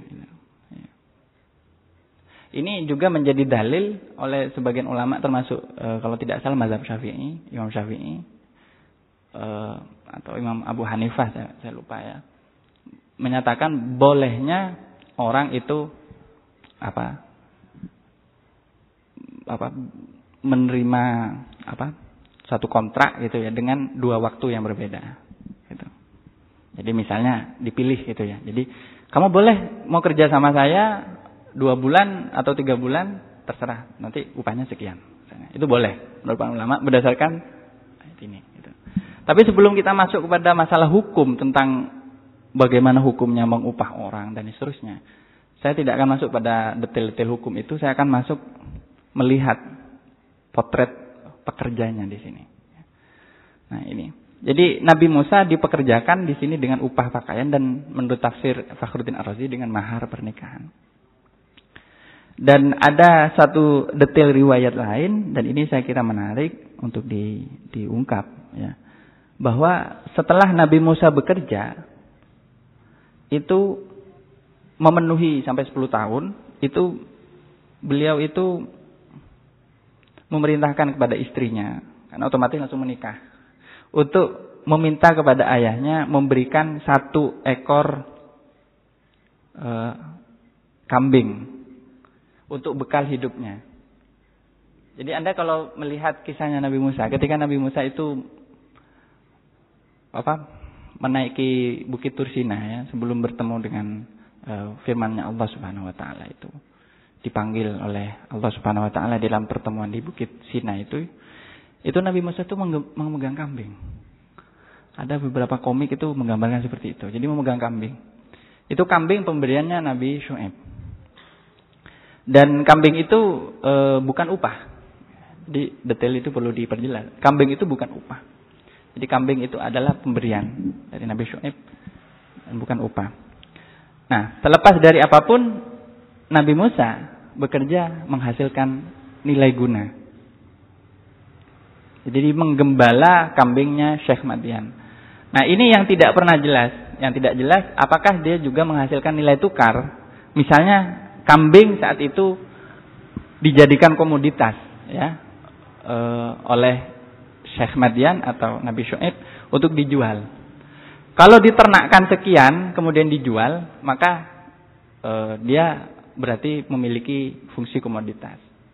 Nah, ini tidak jelas di dalam ayat itu dan saya tidak akan mengada-ngada, saya tidak akan mengatakan bahwa itu di, di itu jelas gitu.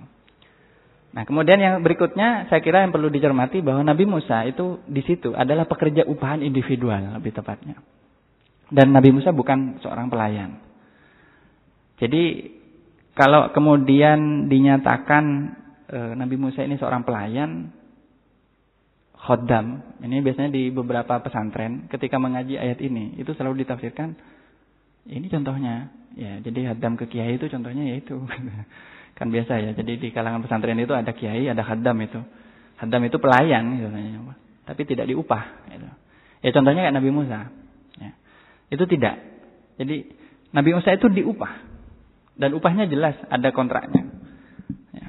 Nah saya cuman bertanya, kalau kita melihat figur pekerja individual, itu saya cuma, apakah Nabi Musa itu prototipe dari pekerja outsourcing?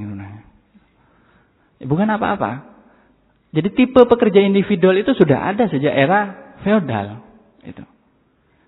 Dan begitu masuk kepada modus produksi kapitalis, pekerja individual ini yang bisa dipekerjakan suatu waktu, bisa juga dipecat suatu waktu, ini ternyata bukannya hilang di dalam peradaban manusia, tapi justru semakin bertambah.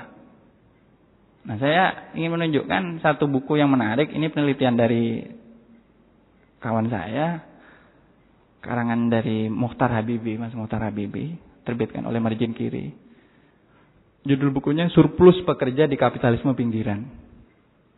Relasi kelas, akumulasi, dan proletariat informal di Indonesia sejak tahun 80-an. Ternyata penelitian buku ini sekilas saya baca, ya, menemukan bahwa perkembangan kapitalisme, ya, ya, itu ternyata didukung oleh tumbuhnya pekerja-pekerja individual yang tidak terserap kepada ke dalam pasar kerja. Tapi mereka bisa sewaktu-waktu dipanggil, dibutuhkan, dan diupah semaunya ya, semau uh, employernya ya, semua semua yang mengerjakan itu. Gitu. Nah saya tidak tahu, tapi Nabi Musa ini menarik karena Nabi Musa ini figur dari banyak, saya kira banyak representasi sosial.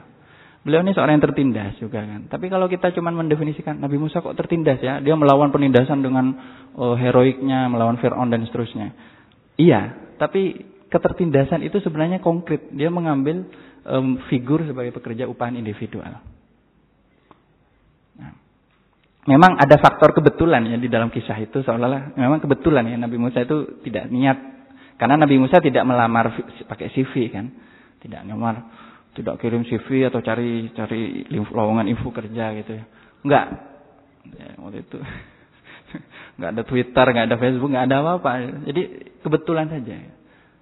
Tapi justru karena faktor kebetulan itu, ini yang menarik, pekerja individual itu sebenarnya dimungkinkan. Karena memang pekerja upahan individual itu uh, arbitrer. Ya. Nah, di sini ada dua kriteria yang tadi disebutkan oleh dua putrinya, yaitu al-qawi dan al-amin. Kuat secara fisik, artinya dia mampu mengerjakan, dan al-amin bisa dipercaya. Ya, kalau seorang employer, seorang yang mempekerjakan itu mungkin punya kriteria yang lain, akan disebutkan di dalam ayat ini mungkin. Ya. Nah, ini menarik. Jadi eh, apa? Mungkin ya disebutkan misalnya IPK-nya harus tiga misalnya gitu kan. Seandainya mungkin disebutkan gitu. Tapi tidak ya. Nah, saya sedang bertanya apakah e, prototype atau bentuk awal dari pekerja outsourcing itu sebenarnya sebagai satu bentuk pekerja upahan itu sudah ditemukan saat itu. Nah, saya ingin mencatat e, dua poin lagi. Pertama, kalau kita melihat ending e, dari kisah ini, ya, yaitu ketika di ayat 20 eh, 7 dan 28 ini dikesankan ada suatu apa hubungan yang lebih mengarah kepada buat saya persekutuan daripada dan kerjasama berdasarkan kesukarelaan. Wala uridu an asyukku alaik itu. Saya kata Nabi Nabi kata Nabi Syuaib saya tidak ingin mer, me, membuat Anda itu e, berat dalam bekerja. Jadi terserah kamu mau melunasi 8 tahun apa 10 tahun. Nah, jadi sepertinya memberikan toleransi gitu ya. Dan itu hubungan yang cenderung kepada kesukarelaan daripada kepada paksaan. Nah, ini juga mungkin tidak sepenuhnya sesuai dengan bayangan kita tentang kontrak kerja yang sifatnya itu enforce ya, paksaan. Jadi di sini tidak ada paksaan. Jadi diberi pilihan antara antara Anda bekerja atau tidak gitu. Nah, ini pertanyaannya apakah Al-Qur'an ini sebenarnya menganjurkan itu pertanyaan. Suatu pelampauan atas relasi upahan dalam bentuk yang disebut dengan relasi persekutuan atau syirkah. Karena di dalam tafsirnya Imam Ar uh, Fakhruddin Ar-Razi ini mengutip hadisnya Rasulullah ya. Jadi karena Nabi Nabi Syuaib itu dan Nabi Musa itu tidak ingin saling memberatkan. Jadi ada aspek kesukarelaan yang ditekankan di dalam hubungan kerja itu. Itu Ar-Razi saya bacakan lagi kutip mengutip hadis dari Qais bin Sa'ib As-Sa'ib radhiyallahu an. Ini seorang sahabat yang pernah menjalin hubungan dagang dan e, bekerja sama bersama Rasulullah di era jahiliyah sebelum Nabi diutus. Ya. Beliau itu mengatakan begini.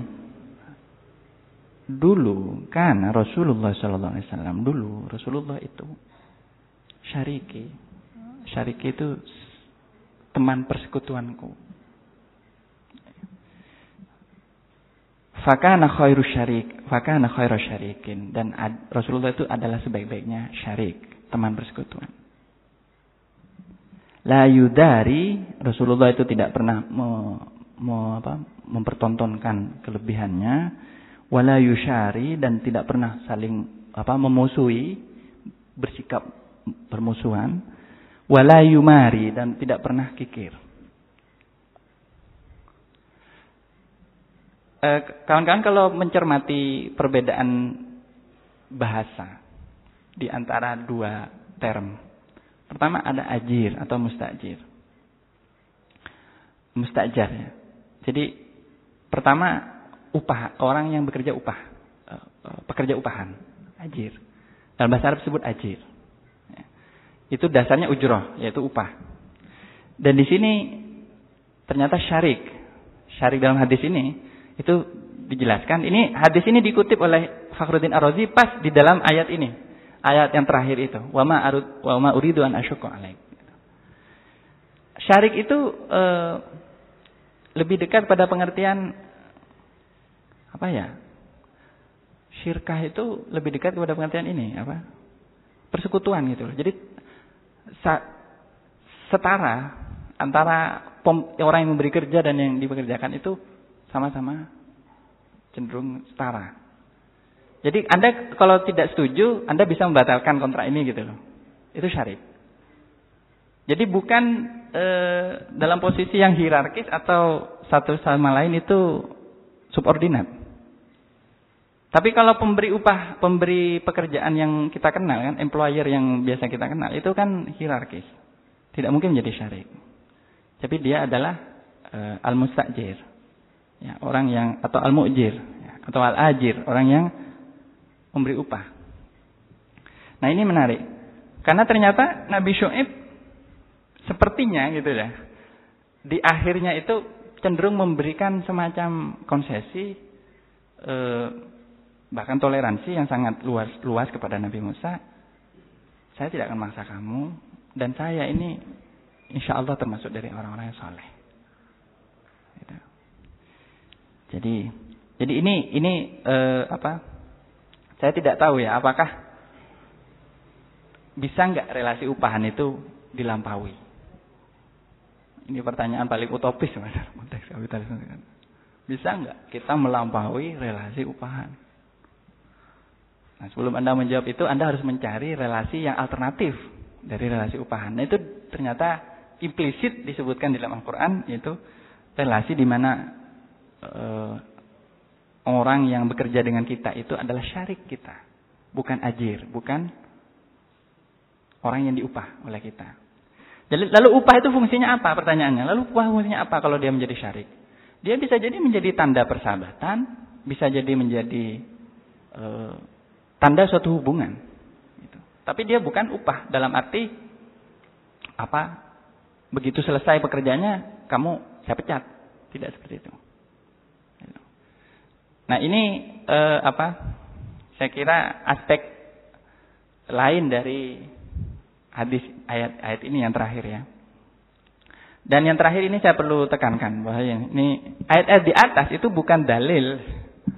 Saya akan menolak itu dan dianggap dalil sebagai kebolehan relasi upahan dan e, permanensinya atau sifat permanennya di dalam Eh, konteks kehidupan kita. Walaupun Dajjal punya hak sebenarnya untuk menjadikan Al-Quran sebagai dalil. Tapi kalau Anda membaca sejarahnya secara cermat, itu sebenarnya tidak lebih dari potret sosial pada zamannya. Atau representasi dari modus produksi pada zamannya. Artinya, dia sebenarnya ayat ini sebenarnya tidak melegitimasi relasi upahan. Itu yang ingin saya tekankan. Loh, tapi kan ada Pak, Nabi Sulaim melakukan itu. Lah iya, itu kan modus produksi pada zamannya.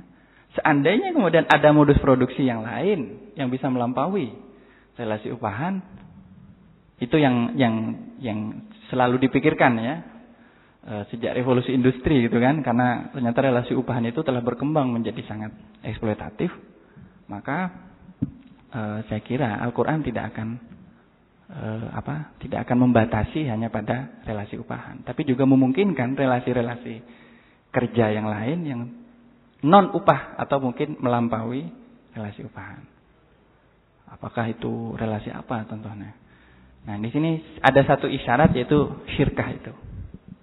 Nah, syirkah ini e, cenderung lebih dekat kepada apa? kerjasama. Ya, jadi kerjasama. Nah ini yang mungkin yang disebut dengan ta'awun di dalam Al-Quran itu. Kemudian kalau ta'awun itu ta'awanu alal birri wa taqwa, saling tolong menolonglah kalian dalam kebaikan dan ketakwaan. Itu kalau kita tafsirkan, kita tarik ke dalam konteks kerja, itu ta'awun itu lebih dekat kepada hubungan syirkah daripada hubungan ujroh atau upahan. Karena kalau upahan bukan ta'awun, Mas. Bukan ta'awun tuh, Mbak ya. Itu namanya eksploitasi itu. Ya. Nah, ini kan selalu kemudian dinyatakan, loh kan nggak apa-apa. Rasulullah juga mengatakan bayarlah upahnya sebelum keringatnya kering. Ya, yang penting kan upah itu adil. Pertanyaannya, ada nggak upah yang adil tuh? Ini pertanyaan yang saya kira menghantui Marx ya sejak lama itu. Ada nggak upah yang adil? Nah ini kita nanti pending dulu, nanti kita kaji di tempat lain ya, apa di sesi yang lain. Tapi upah yang adil itu begini. Bisa saja, seandainya Anda bisa mengkuantifikasi tenaga yang dikeluarkan. Misalnya gini, eh, saya kerja ngecat ya, berapa mililiter keringat yang saya keluarkan. Coba dikuantifikasi itu semua, baru saya kira bisa kita mengatakan adil. Karena kalau adil itu cuma berdasarkan intuisi, rasa-rasanya. Kok rasanya adil kok? Itu enggak, enggak adil tuh mas. Karena enggak ada, enggak ada, enggak bisa di, ya kalau bahasa bahasa saya itu enggak bisa dimaterialkan gitu loh. Padahal adil itu harus bisa dimaterialkan. Nah, kemudian eh, ya rezim kapitalisme, ya rezim kapitalisme dan lebih-lebih rezim kapitalisme neoliberal itu membuat batasan adil itu upah yang memenuhi kehidupan dasar dari buruh. Padahal saya nggak pernah nemu kebutuhan kebutuhan dasar buruh itu terpenuhi karena upah. Bayangkan UMK di Jogja berapa coba? UMR. UMK UMR ya. Satu juta sekian. Buruhnya punya lima anak. Punya tiga anak sekolah. Maka terpaksalah dia kemudian menjadi lagi buruh informal atau pekerja surplus. Jadi dia bekerja di luar pabrik, kerja lagi. Malamnya buka lagi angkringan. Itu. Itu pun bukan angkringannya sendiri kan. Jadi masih numpang lagi punya orang. Jadi katanya kata seorang teman di Indonesia itu jadi buruh itu eksploitasinya berlipat-lipat katanya. Benar. Sudah di pabrik atau di kantor ya kerja. Di luar kantor juga masih dieksploitasi lagi gitu. Lebih-lebih kalau dia seorang perempuan. Nah, saya tidak akan masuk pada modus produksi kapitalis yang jauh lebih dahsyat saya kira pola-polanya daripada apa yang tergambar di dalam ayat ini. Tetapi ayat ini itu memberikan suatu potret saya kira ya. Jadi ayat ini jangan Anda jadikan dalil. Karena kalau Anda jadikan dalil, berarti Anda secara final akan mengatakan, ya relasi upahan itu ada kok dalam Al-Quran. Dan itu dilegitimasi kalau Al-Quran. ya sudah, kalau gitu wassalam saja sudah. Sampai jadi kapitalis saja udah saya saya kalau ikut-ikut. Jadi sampean sudah cari tenaga kerja sebanyak-banyaknya. Tapi kalau Anda ingin melihat secara Al-Qur'an secara katanya secara membebaskan begitu ya dalam arti Al-Qur'an ini punya pesan sosial sebenarnya. Ini harus dilihat sebagai potret sosial gitu. Bahwa ada suatu potret di mana relasi itu berdasarkan upahan dan sepertinya ada kesan bahwa Al-Qur'an itu memberi jalan lain ya, pilihan lain bahwa relasi upahan ini tidak mesti didasarkan pada suatu paksaan, tapi harus didasarkan pada kesukarelaan gitu. Nah, cuma dalam konteks hari ini secara normatif bisa nggak itu? Kan enggak. Jadi enak kali ya kalau kayak gitu ya. Misalnya ditawari, kamu mau kerja berapa? Nanti uh, nanti kalau kamu mau kerja lagi sama saya juga boleh gitu. Saya kira hebat sekali. Saya nggak belum pernah menemukan e, seorang yang employer mau mengerjakan tuh caranya seperti itu. Jadi kalau kalau kita mau merujuk pada cerita Nabi Shu'aib ini sebagai suatu inspirasi, saya kira Anda harus melihat e, dalam relasi apa kisah itu berbicara. Ya. Dan itu saya kira tidak bisa menjadi dalil tentang keabsahan secara mutlak relasi upahan itu. Karena relasi upahan itu memang terkait dengan modus produksinya. Terkait dengan konteks sosialnya saat itu. Begitu konteks sosialnya berubah, maka relasi upahan juga bisa berubah. Gitu. Lebih-lebih dalam konteks e, relasi upahan dalam modus produksi kapitalis. Tapi kita secara umum e, akhirul kalam ya, kita bisa melihat bahwa Nabi Musa di sini e, apa? Walaupun singkat periodenya itu telah terjebak ke dalam bukan terjebak, telah masuk ke dalam relasi upahan sebagai seorang pekerja. Dan saya baru menemukan riwayat juga bahwa ternyata Rasulullah Muhammad SAW adalah seorang pekerja juga. Ya, pernah saya tulis di Facebook itu dan ramai waktu itu sampai saya dituduh. Untungnya nggak dituduh kafir aja. Cuman saya dituduh mempolitisir Nabi Muhammad katanya. Padahal saya mengatakan Rasulullah itu bukanlah seorang pebisnis. Rasulullah itu bukan pedagang, tapi beliau adalah pekerja. Kenapa? Karena beliau bekerja kepada Khadijah yang itu memilih modal, pemilik modal. Ya. Dan Rasulullah itu eh, apa tidak pernah memiliki modalnya sendiri. Coba anda cari dalam riwayat kisah Nabi, pernah nggak Nabi itu punya modal? Gak pernah. Jadi kalau para pengusaha, para pebisnis sampai sekarang ingin mencontoh Rasulullah dengan menjadi seorang pemodal, itu saya kira adalah suatu cara melegitimasi diri secara buruk itu. Jadi narsis sekali kan, kok dibandingin dengan Rasulullah gitu. Kemarin habis aksi 212 apa eh, Agim dianggap sesejuk sesejuk Abu Bakar katanya. ini orang-orang ini sudah Masya Allah. Ini kalau saya menafsirkan ini sudah kebangetan. Jadi Osman? Yusuf Mansur ya. Sekaya Osman katanya. Tapi saya mau tanya, Sayyidina Osman itu membebaskan budak ratusan loh. Yusuf Mansur sudah membebaskan berapa? Belum ya? Oh. Jadi kita jangan mudah terjebak ya dengan idealisasi seperti itu. Tapi ya itu, Rasulullah adalah seorang pekerja. Ya, jadi dan beliau juga terlibat seperti layaknya Nabi Musa dengan relasi upahan. Ya. Dan e, itu singkat saja periodenya yaitu periode ketika beliau membantu e, Khadijah memperdagangkan barang-barangnya atau komoditasnya ke Syria waktu itu. Ya. Dan selesai setelah Rasulullah diangkat menjadi nabi, Rasulullah tidak pernah lagi bekerja kepada siapa pun. Ya, jadi jadi sekali lagi tidak ada dasar bahwa para nabi itu adalah para pemodal, tidak ada. Saya nggak pernah. Nabi Sulaiman gimana? Ya nanti kita lain itu. Tapi intinya saya saya melihat dari hadis-hadis uh, dari adat ini tidak ada ya. Jadi contohnya yang paling aneh adalah Nabi Musa sendiri. Dan Nabi Shu'aib di sini diposisikan sebagai uh, lebih pada semacam majikan begitu ya dalam konteks uh, modus produksi feodal tapi beliau tentu bukan seorang kapitalis. Karena kalau kita lihat beliau tidak memenuhi syarat sebagai seorang kapitalis. Gitu. Ya, beliau tidak punya modal dan belum tahu apa juga punya punya tanah. Gitu. Tapi bahwa beliau pernah menggaji uh, orang untuk bekerja kepadanya, iya. Ya. Cuma beliau saya yakin juga tidak punya pekerja.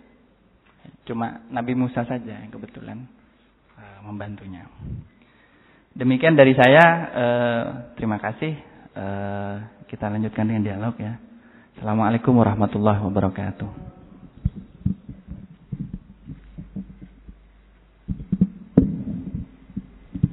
Silakan dari peserta kalau ada tanggapan atau ingin menanyakan lebih lanjut dengan dari apa yang sudah disampaikan oleh Gus Bayat tadi, monggo.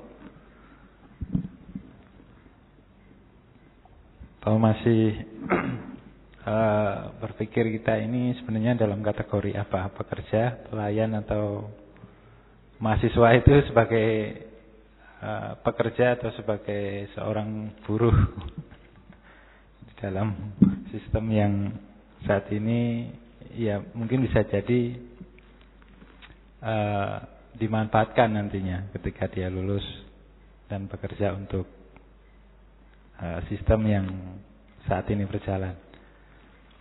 Silakan kalau ada tanggapan dari teman-teman. Atau sudah puas dengan uh, apa? sudah tercerahkan dengan apa yang sudah disampaikan oleh Gus Wayat tadi. Oh masih mikir. Oke, monggo silakan.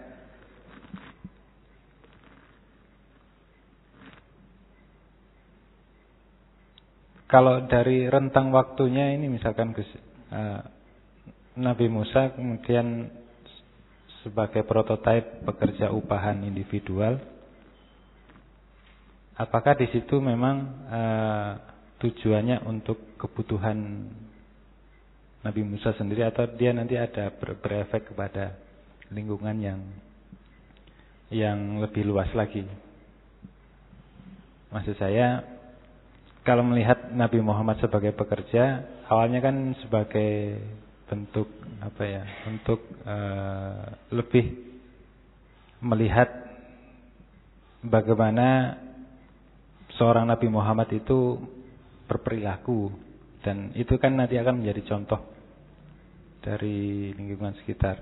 Kalau dalam konteks Nabi Musa ini kan nanti tadi eh, kalau saya yang memahami ada apa namanya tadi karena untuk uh, pernikahan tadi itu loh Mas. Ini kan berbeda mungkin. Ya, sebenarnya kalau melihat apa yang dilakukan oleh Nabi Musa itu mungkin secara tan tanpa sadar begitu ya. Beliau ingin memberi apa? menunjukkan bahwa kalau orang bekerja itu e, harus profesional dan memenuhi janji atau kontraknya, perjanjiannya dan punya loyalitas kepada e, orang yang mempekerjakannya gitu. Dan akhlak-akhlak seperti itu itu ditunjukkan oleh Nabi Musa dalam kisah ini. Cuma saya tidak menemukan apakah Nabi Musa kemudian setelah kisah ini menganjurkan kepada orang lain untuk uh, bekerja dengan cara yang sama gitu tidak pernah ada. Kalau di hadis Rasulullah SAW sendiri tidak pernah ada uh, apa uh, contoh begini loh kalau kalian bekerja harus seperti ini etikanya atau normanya seperti ini tidak ada. Cuma Rasulullah sangat mengecam orang yang melakukan penyewaan tenaga kerja itu artinya mem mempekerjakan orang lain, menyewa tenaga kerja orang lain itu e, kemudian tidak membayar upahnya atau telat membayar upahnya. Nah, ini banyak ini. Jadi telat membayar upahnya itu kata Rasulullah membahasakannya dengan sebelum kering keringatnya.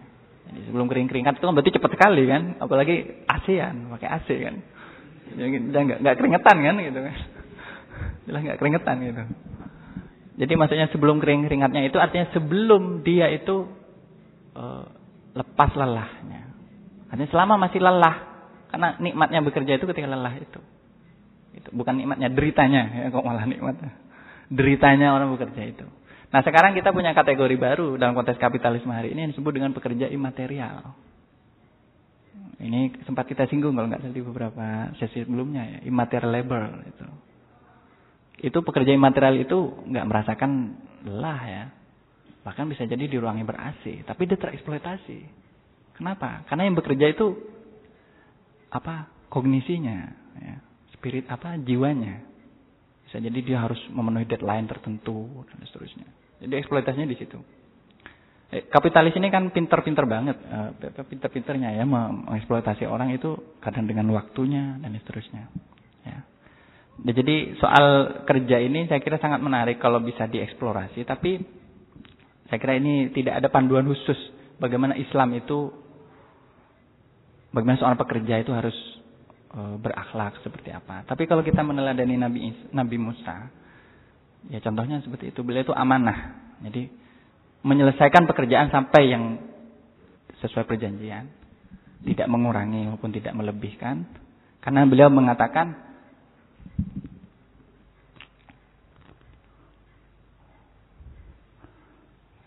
ayyumal ajalain qadait fala udwana alaih di mana pun dari dua waktu ini saya penuhi fala udwana alaik maka tidak ada tuntutan lagi kepada saya. Artinya Nabi Musa itu profesional dan beliau itu tahu betul konsekuensi bekerja.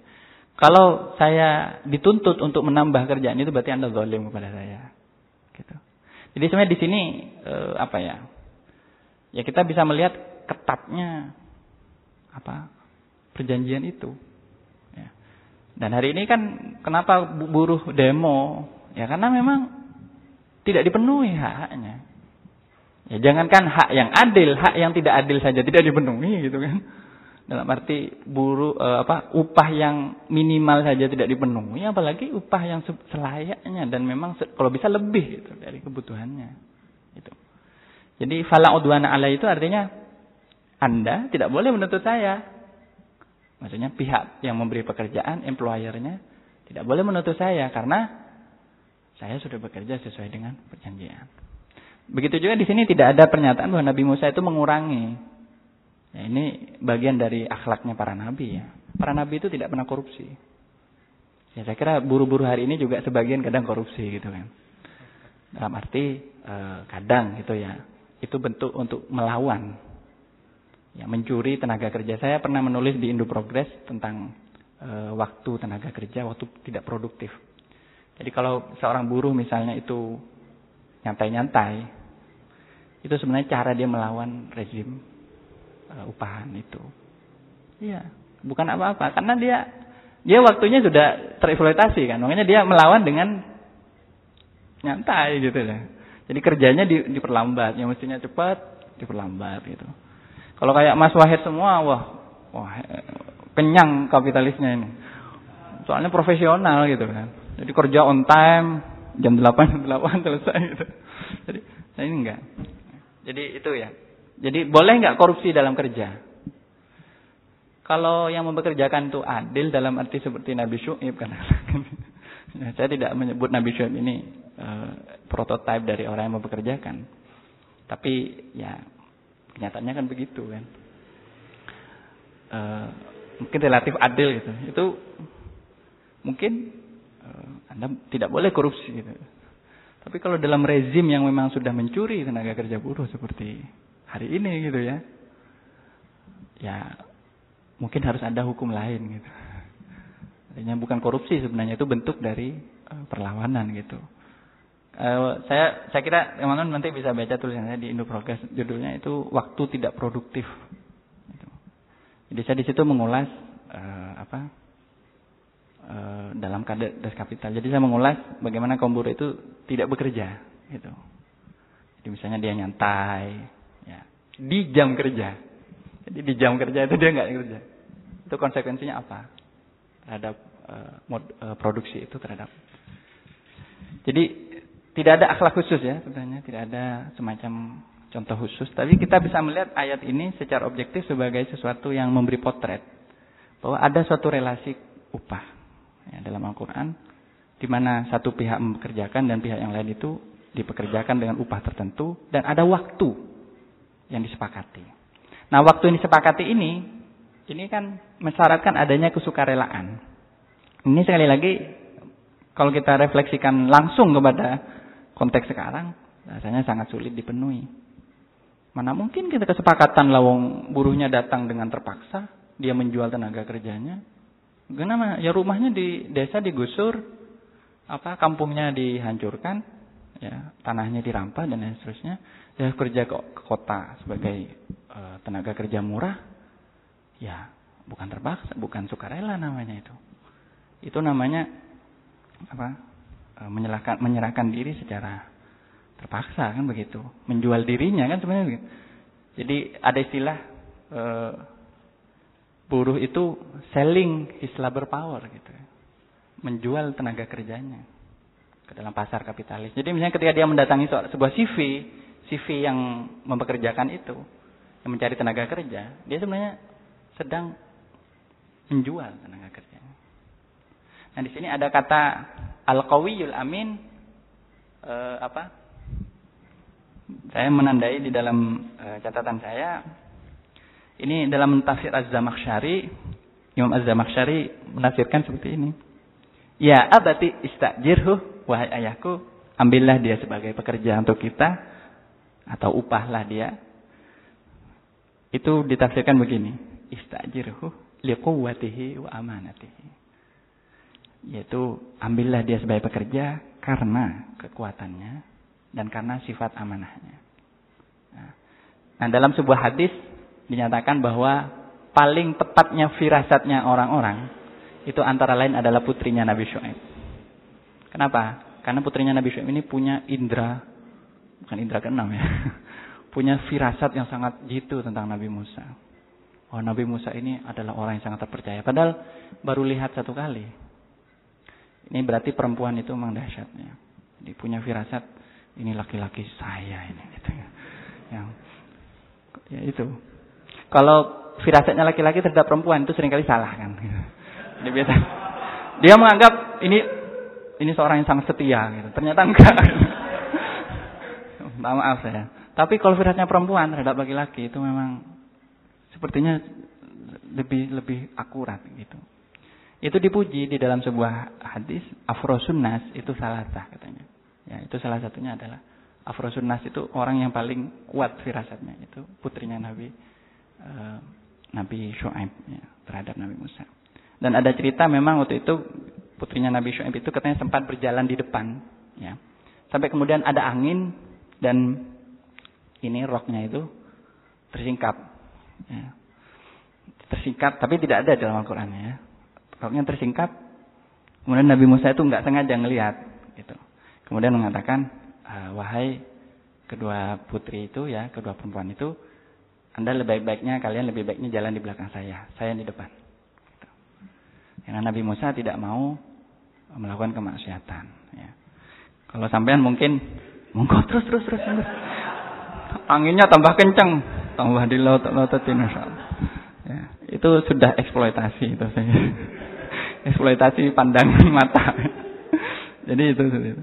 Jadi beliau itu ini sifat amanahnya tergambar dari kisah itu. Makanya eh, Nabi putrinya Nabi Syuaib ini entah salah satu yang mana ini yang yang nikah ya. Ada yang mengatakan itu yang paling muda, ada yang mengatakan yang lebih tua. Uh, Sofuro atau Laya. Itu uh, apa? Sangat terkesima atau sangat takjub dengan sifat amanahnya. Artinya ini bisa jadi pemimpin saya. Tapi pemimpin ini harus difahami dalam konteks feodal. Wah, dia adalah kepala produksi, apa?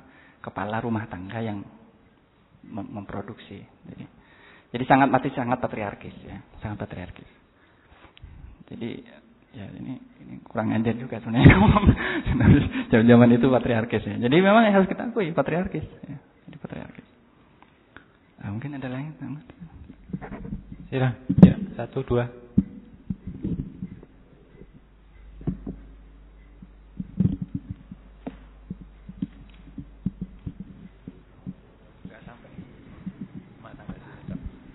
Assalamualaikum warahmatullahi wabarakatuh. Nama saya Iqbal. Uh, kebetulan uh, saya tadi baca tentang syir syirik dan muamalah uh, antara persekutuan dan kerjasama. Syirkah, syirkah dan kemudian saya ingat karena saya uh, mengikuti pembacaan Hatta, uh, Bung Hatta, uh, Bung Hatta membagi kapitalisme menjadi tiga, kapitalisme awal, kapitalisme muda dan kapitalisme raya, dan yang menarik adalah ketika dalam konsep Hatta kapitalisme muda itu uh, adalah ketika seorang pemilik perusahaan hanya uh, menguntungkan bagi dirinya sendiri. Namun untuk kapitalisme raya itu adalah uh, tentang bagaimana pemimpin perusahaan itu uh, lebih menekankan kepada perusahaannya. Jadi sistemnya lebih ke buruh itu harus uh, seperti buruh harus diutamakan sehingga kinerja perusahaan itu semakin meningkat. Jadi kalau kapitalisme raya lebih uh, pemimpin eh, pemimpin perusahaan uh, menguntungkan dirinya sendiri. Namun untuk kapitalisme raya itu untuk perusahaan, bukan untuk e, pemimpinnya, ya.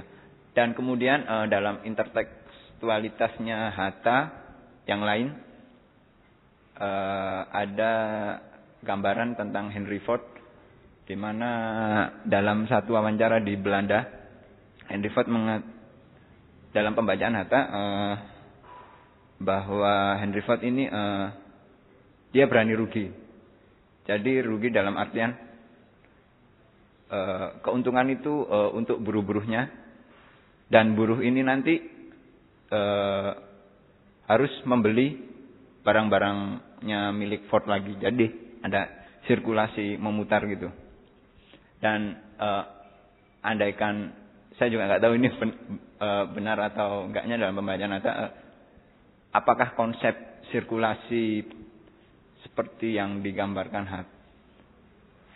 Ford dalam Hatta ini apakah bisa termasuk sekutu atau kerjasama? Gitu saja. Waalaikumsalam. Maka mas.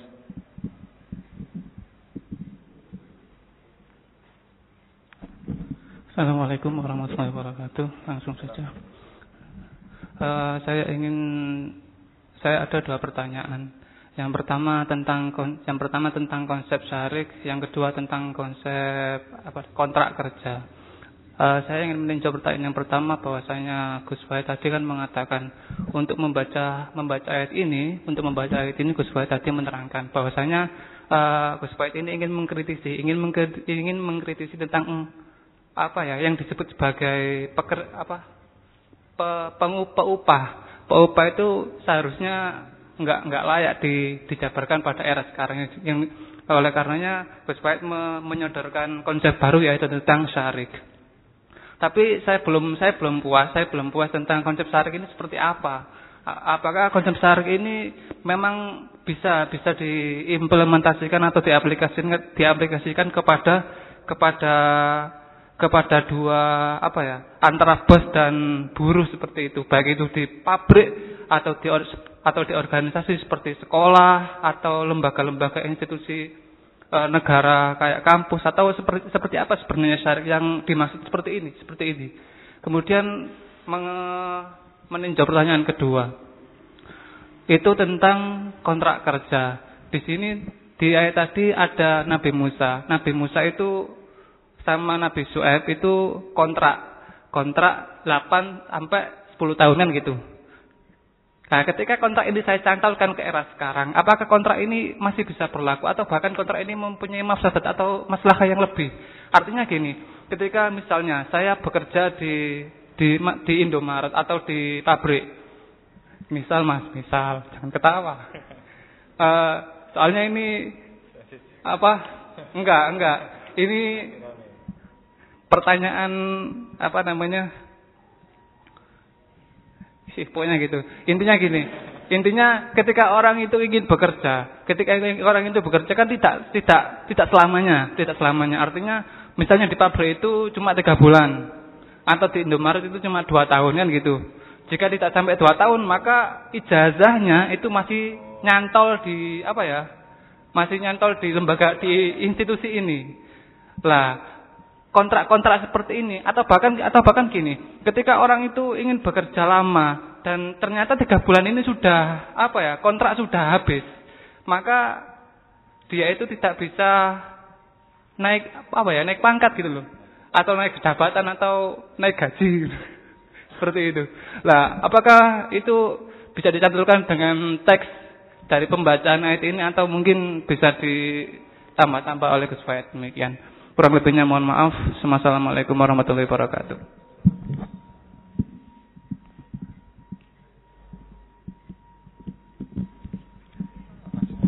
Yang pertama itu Ya, uh, sebenarnya yang disebut uh, Bung Hatta dengan kapitalisme raya itu kapitalisme global. Ya. Kapitalisme berkembang dengan uh, imperialisme dan e, kapitalisme dengan apa dan globalisasi. Nah, walaupun saat itu belum terkenal istilah globalisasi. Kemudian disebutkan kapitalisme raya ya. Artinya kapitalisme itu sudah mencapai pada level sangat luas ya, e, dunia, mendunia. E, ini memang kompleks ya, karena begini, kalau kita merunut, saya kira sejarah perkembangan modal itu paling enak memang kalau kita hatam tiga jilid das kapital. Saya untungnya e, kalau nggak dipaksa sama profesor saya, saya mungkin nggak nggak pernah bisa menikmati sampai jilid tiga. Tapi karena alhamdulillah saya pernah sampai serius belajar das kapital itu sampai tiga jilid. Tapi masih kalah kan. Kalau Max itu cuma bikin tiga jilid, kalau tafsir e, Imam Ar-Razi bikin 20 jilid. jadi jadi masih tetap kalah sama ulama-ulama kita gitu ya. Tapi yang menarik dari Marx itu dari dari bukunya Marx itu adalah dia menelusuri perkembangan modal itu dari tataran yang sangat individual ya. Semuanya analisisnya Bung Hatta itu mirip saya kira dengan cuma mungkin kurang dialektis ya. Kalau Marx itu sangat dialektis sampai kepada tatanan e, ketika kapitalisme ini sudah subjeknya bukan lagi buruh tapi modal itu sendiri. Di jilid 2 dan 3. Jadi nanti yang menjadi elemen utama dari pergerakan kapital itu adalah kapital itu sendiri. Jadi ada living kapital. Modalnya itu menjadi hidup. Jadi yang menjadi monster itu modal. Bahkan, bahkan kapitalis saja sudah tidak bisa menghentikan pergerakan modal. Buruh tidak bisa juga. Nah ini perkembangan kapitalisme yang paling lanjut, yang paling advance ya, yang paling tinggi dan paling sulit untuk di, dihancurkan. Kalau cuma relasi individual sama kapitalis, ya bisa selesai dengan syarik tadi kan, dengan persekutuan tadi, udah selesai. Tapi kalau sama kapital yang ini awalnya e, berkembang, berkembang, berkembang sampai kemudian menjadi seperti sekarang dengan adanya multinasional corporation, ya, korporasi multinasional. Itu yang bekerja bukan lagi kapitalisnya sebenarnya. Makanya kalau ada pertanyaan mana lebih penting antara pengusaha dengan modalnya, yang paling penting itu modal menurut Marx. Karena kalau pengusahanya bisa mati, tapi modalnya nggak bisa mati. Makanya Bank BCA itu walaupun Lem Siolong sudah mati, tapi banknya tetap ada. Karena modalnya jalan. Dan modal itu hidup. Dia seperti organ, organisme. Hidup. Jadi living capital. Nah living capital ini butuh tenaga untuk dia hisap. Karena dia nggak bisa hidup tanpa menghisap. Dia butuh tenaga. Ini metafor biologi ya dalam nama. Dan untuk menghisap dia harus butuh tenaga kerja yang segar. Makanya buruh itu ya kalau masih muda itu disenengin sama kapitalis, seneng banget. Ya, soalnya masih fresh gitu ya. Tapi kalau sudah tua, nah, siap-siap dipecat. Itulah rezim e, kapitalisme yang hidup dari kehidupan modal itu sendiri. Jadi subjeknya modal. Nah, kalau sudah kondisinya seperti itu, saya kira memang solusi solusi-solusi seperti syirka ini harus dikembangkan jauh. Tidak cukup kalau memahami syirkah hanya pada level individual. Karena yang kita lihat di ayat ini, ini kan adalah fase yang masih sangat awal. Ini di ayat ini adalah fase di era atau di modus produksi feodal yang hubungannya masih sangat uh, individual. Jadi saya mau bekerjakan Anda, Anda bekerja sama saya, selesai kontrak, selesai, selesai semua kan gitu. Tapi kalau sekarang karena kanan kiri kita ini sudah hidup dalam kungkungan modal, lepas dari satu pindah ke yang lain tetap aja jadi tereksploitasi terus. Nah makanya konsep eh, apa persekutuan ini ini harus juga dilihat secara global. Nah ini eh, saya kira teorinya Rosa Luxemburg ya yang bisa melihat itu karena dia melihat nanti perkembangan kapitalisme ini semakin canggih, maka e, persekutuan misalnya buruh dan seterusnya ini harus juga semakin punya level internasional gitu. Nah, sekarang saya belum menemukan contoh, tapi di Amerika itu ada beberapa eksperimentasi di mana e, seperti perusahaan itu dikelola secara kolektif oleh buruhnya. Dan jadi tidak dimiliki oleh individual. Tapi modal tetap ada. Nah ini kompleks ya kalau bicara pada tataran global itu sudah harus berbicara pada tataran negara bangsa karena perbedaan antara standar upah di negara-negara maju dengan di negara berkembang gitu. Sekarang ini kita akan menghadapi ketakutan ya terhadap masuknya tenaga kerja dari Cina. Ini banyak berita bohong soal itu kan, banyak berita hoax ya. Oh, kayak kita nih dihantui sama Cina dari kanan kiri sudah nih. Itu sebenarnya apa? Ketakutannya apa? Itu ketakutan akan ketimpangan e, tenaga kerja.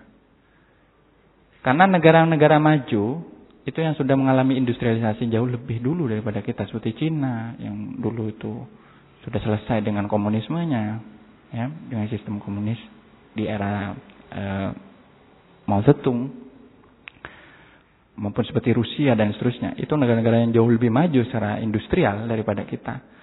Itu tenaga kerjanya jauh lebih tampil. Jadi nanti di dalam tenaga kerja itu sendiri itu ada banyak hierarki masih. Ada tenaga kerja yang tidak berkelampilan, ya, unskilled labor. Ada yang berkelampilan dan seterusnya. Jadi nanti persaingannya nah ini yang dibuka oleh neoliberalisasi. Nah, Soal tenaga kerja berketerampilan tidak berketerampilan, saya tidak saya tidak akan tidak menemukan apa rujukan secara eksplisit, tapi di sini ada kata al-qawi dan al-amin. Jadi mungkin karena ya cukup menggembala ternak. Kalau ternak itu kan tidak butuh uh, keterampilan yang banyak mungkin ya dan seterusnya. Tapi kalau komoditasnya bukan ternak, mungkin ceritanya akan lain. Ya, tapi kalau modus produksinya kan. Jadi kalau bicara syarik persekutuan itu harus dilihat pada skopnya, mas. Kalau kita ingin meruntuhkan kapitalisme yang sudah global itu dengan model persekutuan yang sifat individual ya, sampean mimpi. Tetap aja modalnya masih ada di bank-bank dunia itu. Nah, konsep syarik itu seperti apa? Mungkin saya ingin menyebutnya gini. Ada beberapa teori sebenarnya dikenalkan para pemikir, eh, termasuk para pemikir yang latar belakang dari tradisi Marxis. Itu seperti asosiasi, kooperasi, dan mungkin saya pakai istilah baru ini kolegialisme. Jadi gini, yang mempekerjakan dan yang bekerja itu tidak sama tinggi, tidak lebih tinggi satu yang daripada yang lain.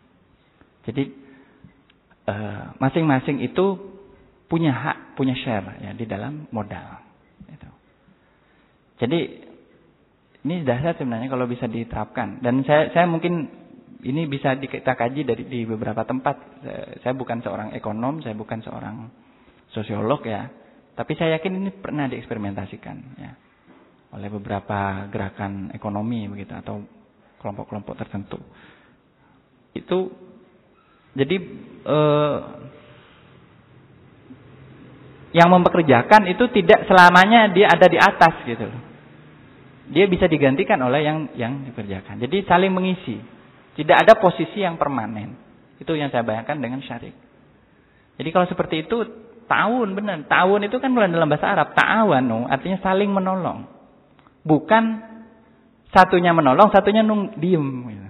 Nah kalau kapitalis kan enggak. Kapitalis itu diam-diam aja, ongkang-ongkang kaki. Tapi orang kerja buat dia. Kerja buat perusahaannya. Ini kan bukan tawanu itu namanya. Itu ya tidak tidak setara itu. Tapi kalau syarik itu setara. Setara itu artinya salah satunya punya hak untuk membatalkan, salah satunya punya hak untuk untuk terlibat juga di dalam e, permodalan. Yang ini saya bayangkan sini sebenarnya ada pola relasi ini dalam masyarakat tradisional. Misalnya dalam masyarakat adat ya. Misalnya ada orang punya tanah. Terus di eh, tadi ya tuan tanah ya, mau pekerjakan. Nanti kamu bekerja, kamu nanti dapat tanah saya. Jadi relasinya itu bisa berubah gitu, dinamis. Tidak monoton dalam arti orang harus kerja terus sama dia enggak. Tapi kalau kerja terus sama dia ya enggak ada bedanya sama Kapitalis itu sendiri. Jadi semacam kolegialisme. Nah, masalahnya ini sistem ekonomi seperti ini ini cuma bisa diterapkan pada tataran yang sangat kecil. Ketika sudah masuk ke tataran yang besar, itu kewalahan. gitu. Karena nafsunya orang kan beda-beda kan. Karena diri apa kecenderungannya orang kan ada yang curang, ada yang jujur kan gitu. Nah, problem gerakan dari dulu sampai sekarang itu itu menurut saya. Makanya banyak gerakan-gerakan sosial di Indonesia masuk yang terinspirasi dari ajaran-ajaran Marxisme dan lain-lain itu ingin menerapkan itu tapi gagal. Kenapa? Ya karena problem kejujuran. Jadi ini kita contoh koperasi saja. Koperasi itu kan di Indonesia sekian lama kan lumpuh karena faktor itu. Begitu diambil modalnya habis sudah usahanya. Itu. Jadi sangat rapuh dan karena berdasarkan pada trust, pada kepercayaan tadi. Jadi, kalau kapitalis tidak butuh kepercayaan karena memang sudah Anda menjadi kontrak buruh saya, jadi karyawan saya. Kalau nggak mau ya kerja silahkan, saya pecat kerja di tempat lain. Nah kan takut kan? Ya sudah kerja terpaksa. Jadi di situ tidak ada kesukarelaan. Nah di sini saya melihat ini masya Allah kata yang dipakai oleh Nabi Shu'aib. Itu wama uridu an Saya itu tidak ingin memberatkan kamu. Mana ada nih orang ngasih pekerjaan tapi ngasih toleransi kayak gini. Jadi amanah itu memang dalam Al-Qur'an, eh, dalam dalam Islam itu apa? Saya kira dasarnya adalah tidak boleh adanya ada adanya beban atau masyakoh. Kalau ada masyakoh itu sebenarnya sudah mengandung benih-benih eksploitasi. Karena salah satu pihak pasti tidak setara kan gitu. Dan beliau mengatakan satajiduni insyaallah minas solehin engkau akan mendapatkan aku niscaya sebagai orang-orang insyaallah sebagai orang-orang yang soleh. Artinya aku tidak akan menzalimi kamu, tidak akan membebani kamu. Kalau kamu nggak mau ya sudah. Kalau kamu nggak mau ya udah 8 tahun aja. Kalau kamu lebih dari 8 tahun anggap itu sebagai apa? sodakoh atau pemberian dari kamu kepada saya. Ternyata Nabi Musa menyempurnakan menunjukkan loyalitasnya. Tapi itu sudah bukan relasi relasi upahan sudah itu. Ketika sudah lebih dari kontrak itu. Karena kontraknya kan 8 tahun yang fix. Ya. ya. Jadi tidak boleh ada paksaan. Nah masalahnya begini, ini juga jebakan. Ada orang berdasarkan kesukarelaan, tapi sebenarnya sudah didoktrin. Gitu. Misalnya gini, awas kamu kerja sama Ya saya ini melakukan otokritik ya. Misalnya saya saya kan ya, dari pesantren di pondok. Nanti bilang sama orang tuanya kan anaknya, nanti kamu kerja ya sama Pak Kiai. nanti kamu kerja sama Pak Kiai sekian lama gitu ya. Kamu nggak boleh ngelawan gitu ya. Pokoknya kamu disuruh sini mau dikawinin sama anaknya juga harus ya mau gitu. Ya Tapi kamu nggak boleh ngelawan. Nah ini sudah didoktrin dulu. Jadi ya walaupun dia suka rela tapi suka relanya sudah salah. Ya. itu saya kira tidak benar juga. Tidak ada rujukannya dalam Islam seperti itu. Ya. Tapi yang jelas kalau Nabi Musa ini seandainya Nabi Musa seorang pelayan itu tidak mungkin karena di dalam ayat ini ada ujroh. Jadi sebenarnya konsep pelayan dalam Al-Quran itu uh, uh, apa harus berdasarkan sukarelaan. Jadi dan tidak permanen. Jadi kalau ada pelayan tapi permanen itu namanya penindasan. Jadi kalau pelayan seumur hidup jadi pelayan. Nah, berarti kan permanen. Nah, ini dalam konteks feodalisme hari ini yang masih bercokol di beberapa tempat ya harus saya akui, saya melihat sendiri itu masih eksis. Gitu. Jadi seperti pekerjaan sebagai rumah tangga, pembantu rumah tangga dan seterusnya. Pembantu rumah tangga itu sebenarnya lebih dekat kepada definisi pekerja upahan sebenarnya daripada pelayan, walaupun judulnya pembantu. Tapi bukan pelayan dia, tapi eh, pekerja upahan. Oke, soal kontrak kerja temporer, bagaimana dipandang dari ayat ini? Ya ini, kalau ini difahami secara parsial, ya, secara sepotong-sepotong, ini seolah-olah memberi kesan bolehnya mengambil apa pekerja upahan individual itu, outsourcing nanti jadinya. Sebenarnya yang sampai ceritakan itu outsourcing itu mas, itu outsourcing. Jadi outsourcing itu ya seperti itu. Tiga bulan kerja di Indomaret, pecat. Pindah lagi ke sini, tiga bulan. Jadi senang sekali kapitalis itu. Karena apa? Tidak ada jaminan. Dan seterusnya kan. Tidak ada jaminan dalam arti tidak ada uang pesangon mungkin. Dan pekerjaan itu bisa suatu waktu diputus tengah jalan. Kalau tidak puas dengan hasil kerjanya dan seterusnya. Kan begitu. Itu outsourcing. Dan itu realitasnya hari ini di, di, di, ditentang ya oleh gerakan buruh ya. Nah, tapi kalau kita menafsirkan itu dalam kerangka yang sempit ya. Buat saya eh, kontrak kerja yang temporer yang kenapa di sini cuma dibatasi sampai 8 tahun. Karena memang eh, ini bukan karena ini bukan relasi kapitalistik ini, bukan relasi upahan berdasarkan kapitalistik. Jadi beliau tidak bisa memaksa Nabi Musa bekerja selamanya kepadanya karena memang bukan buruhnya Ya, ini ada unsur semacam minta tolong gitu ya. Tapi ini juga tidak bisa dijadikan dalil bahwa itu kontrak kerja upahan itu ada dalam e, kontrak kerja upahan yang temporer atau suatu waktu itu ada dalam Al-Qur'an. Ya, ini ini potret pada zamannya saja. Wah, seperti itu. Ya.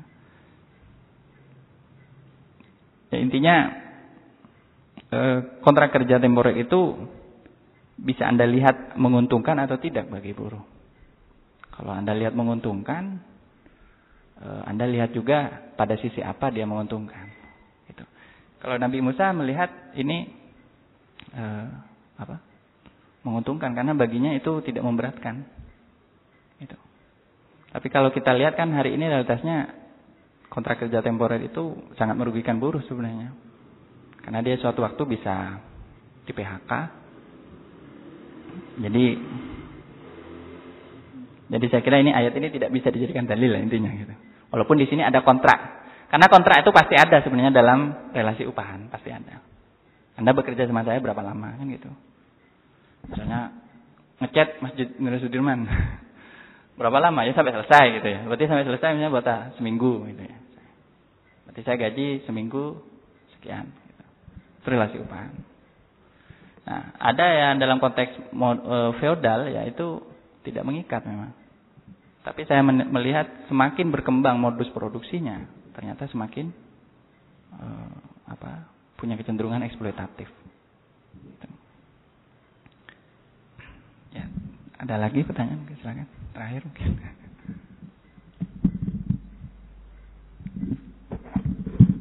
Ada lagi?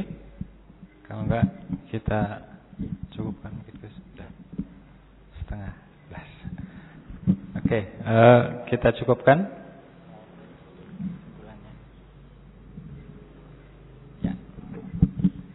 Ya, sebagai kesimpulan mungkin uh, sekali lagi kita sedang mencari sebenarnya dalam kerangka yang lebih luas ya eh, figur pekerja upahan dalam Al-Qur'an. Dan ini saya kira baru awal kita merujuk kepada kisah Nabiullah Musa dan Nabiullah Shu'aib alaihi salam. Uh, tetapi sekali lagi ini tidak bisa dijadikan dalil bahwa memang pekerja upahan itu adalah sesuatu yang dilegitimasi oleh Al-Quran. Ya, karena ini lebih merupakan satu gambaran zaman bahwa relasi upahan itu ada dan ada figur pekerjanya yaitu Nabi Musa alaihissalam. Dan saya kira menarik untuk menindaklanjuti kira-kira bagaimana Al-Quran memahami e, kerja itu sendiri, bagaimana Al-Quran memahami upah, dan nanti model uh, hubungan kerja seperti apa yang sebenarnya lebih cocok dengan cita-cita Al-Quran ya? Dan tentu cita-cita Islam itu sendiri ya. Hubungan kerja seperti apa yang lebih cocok?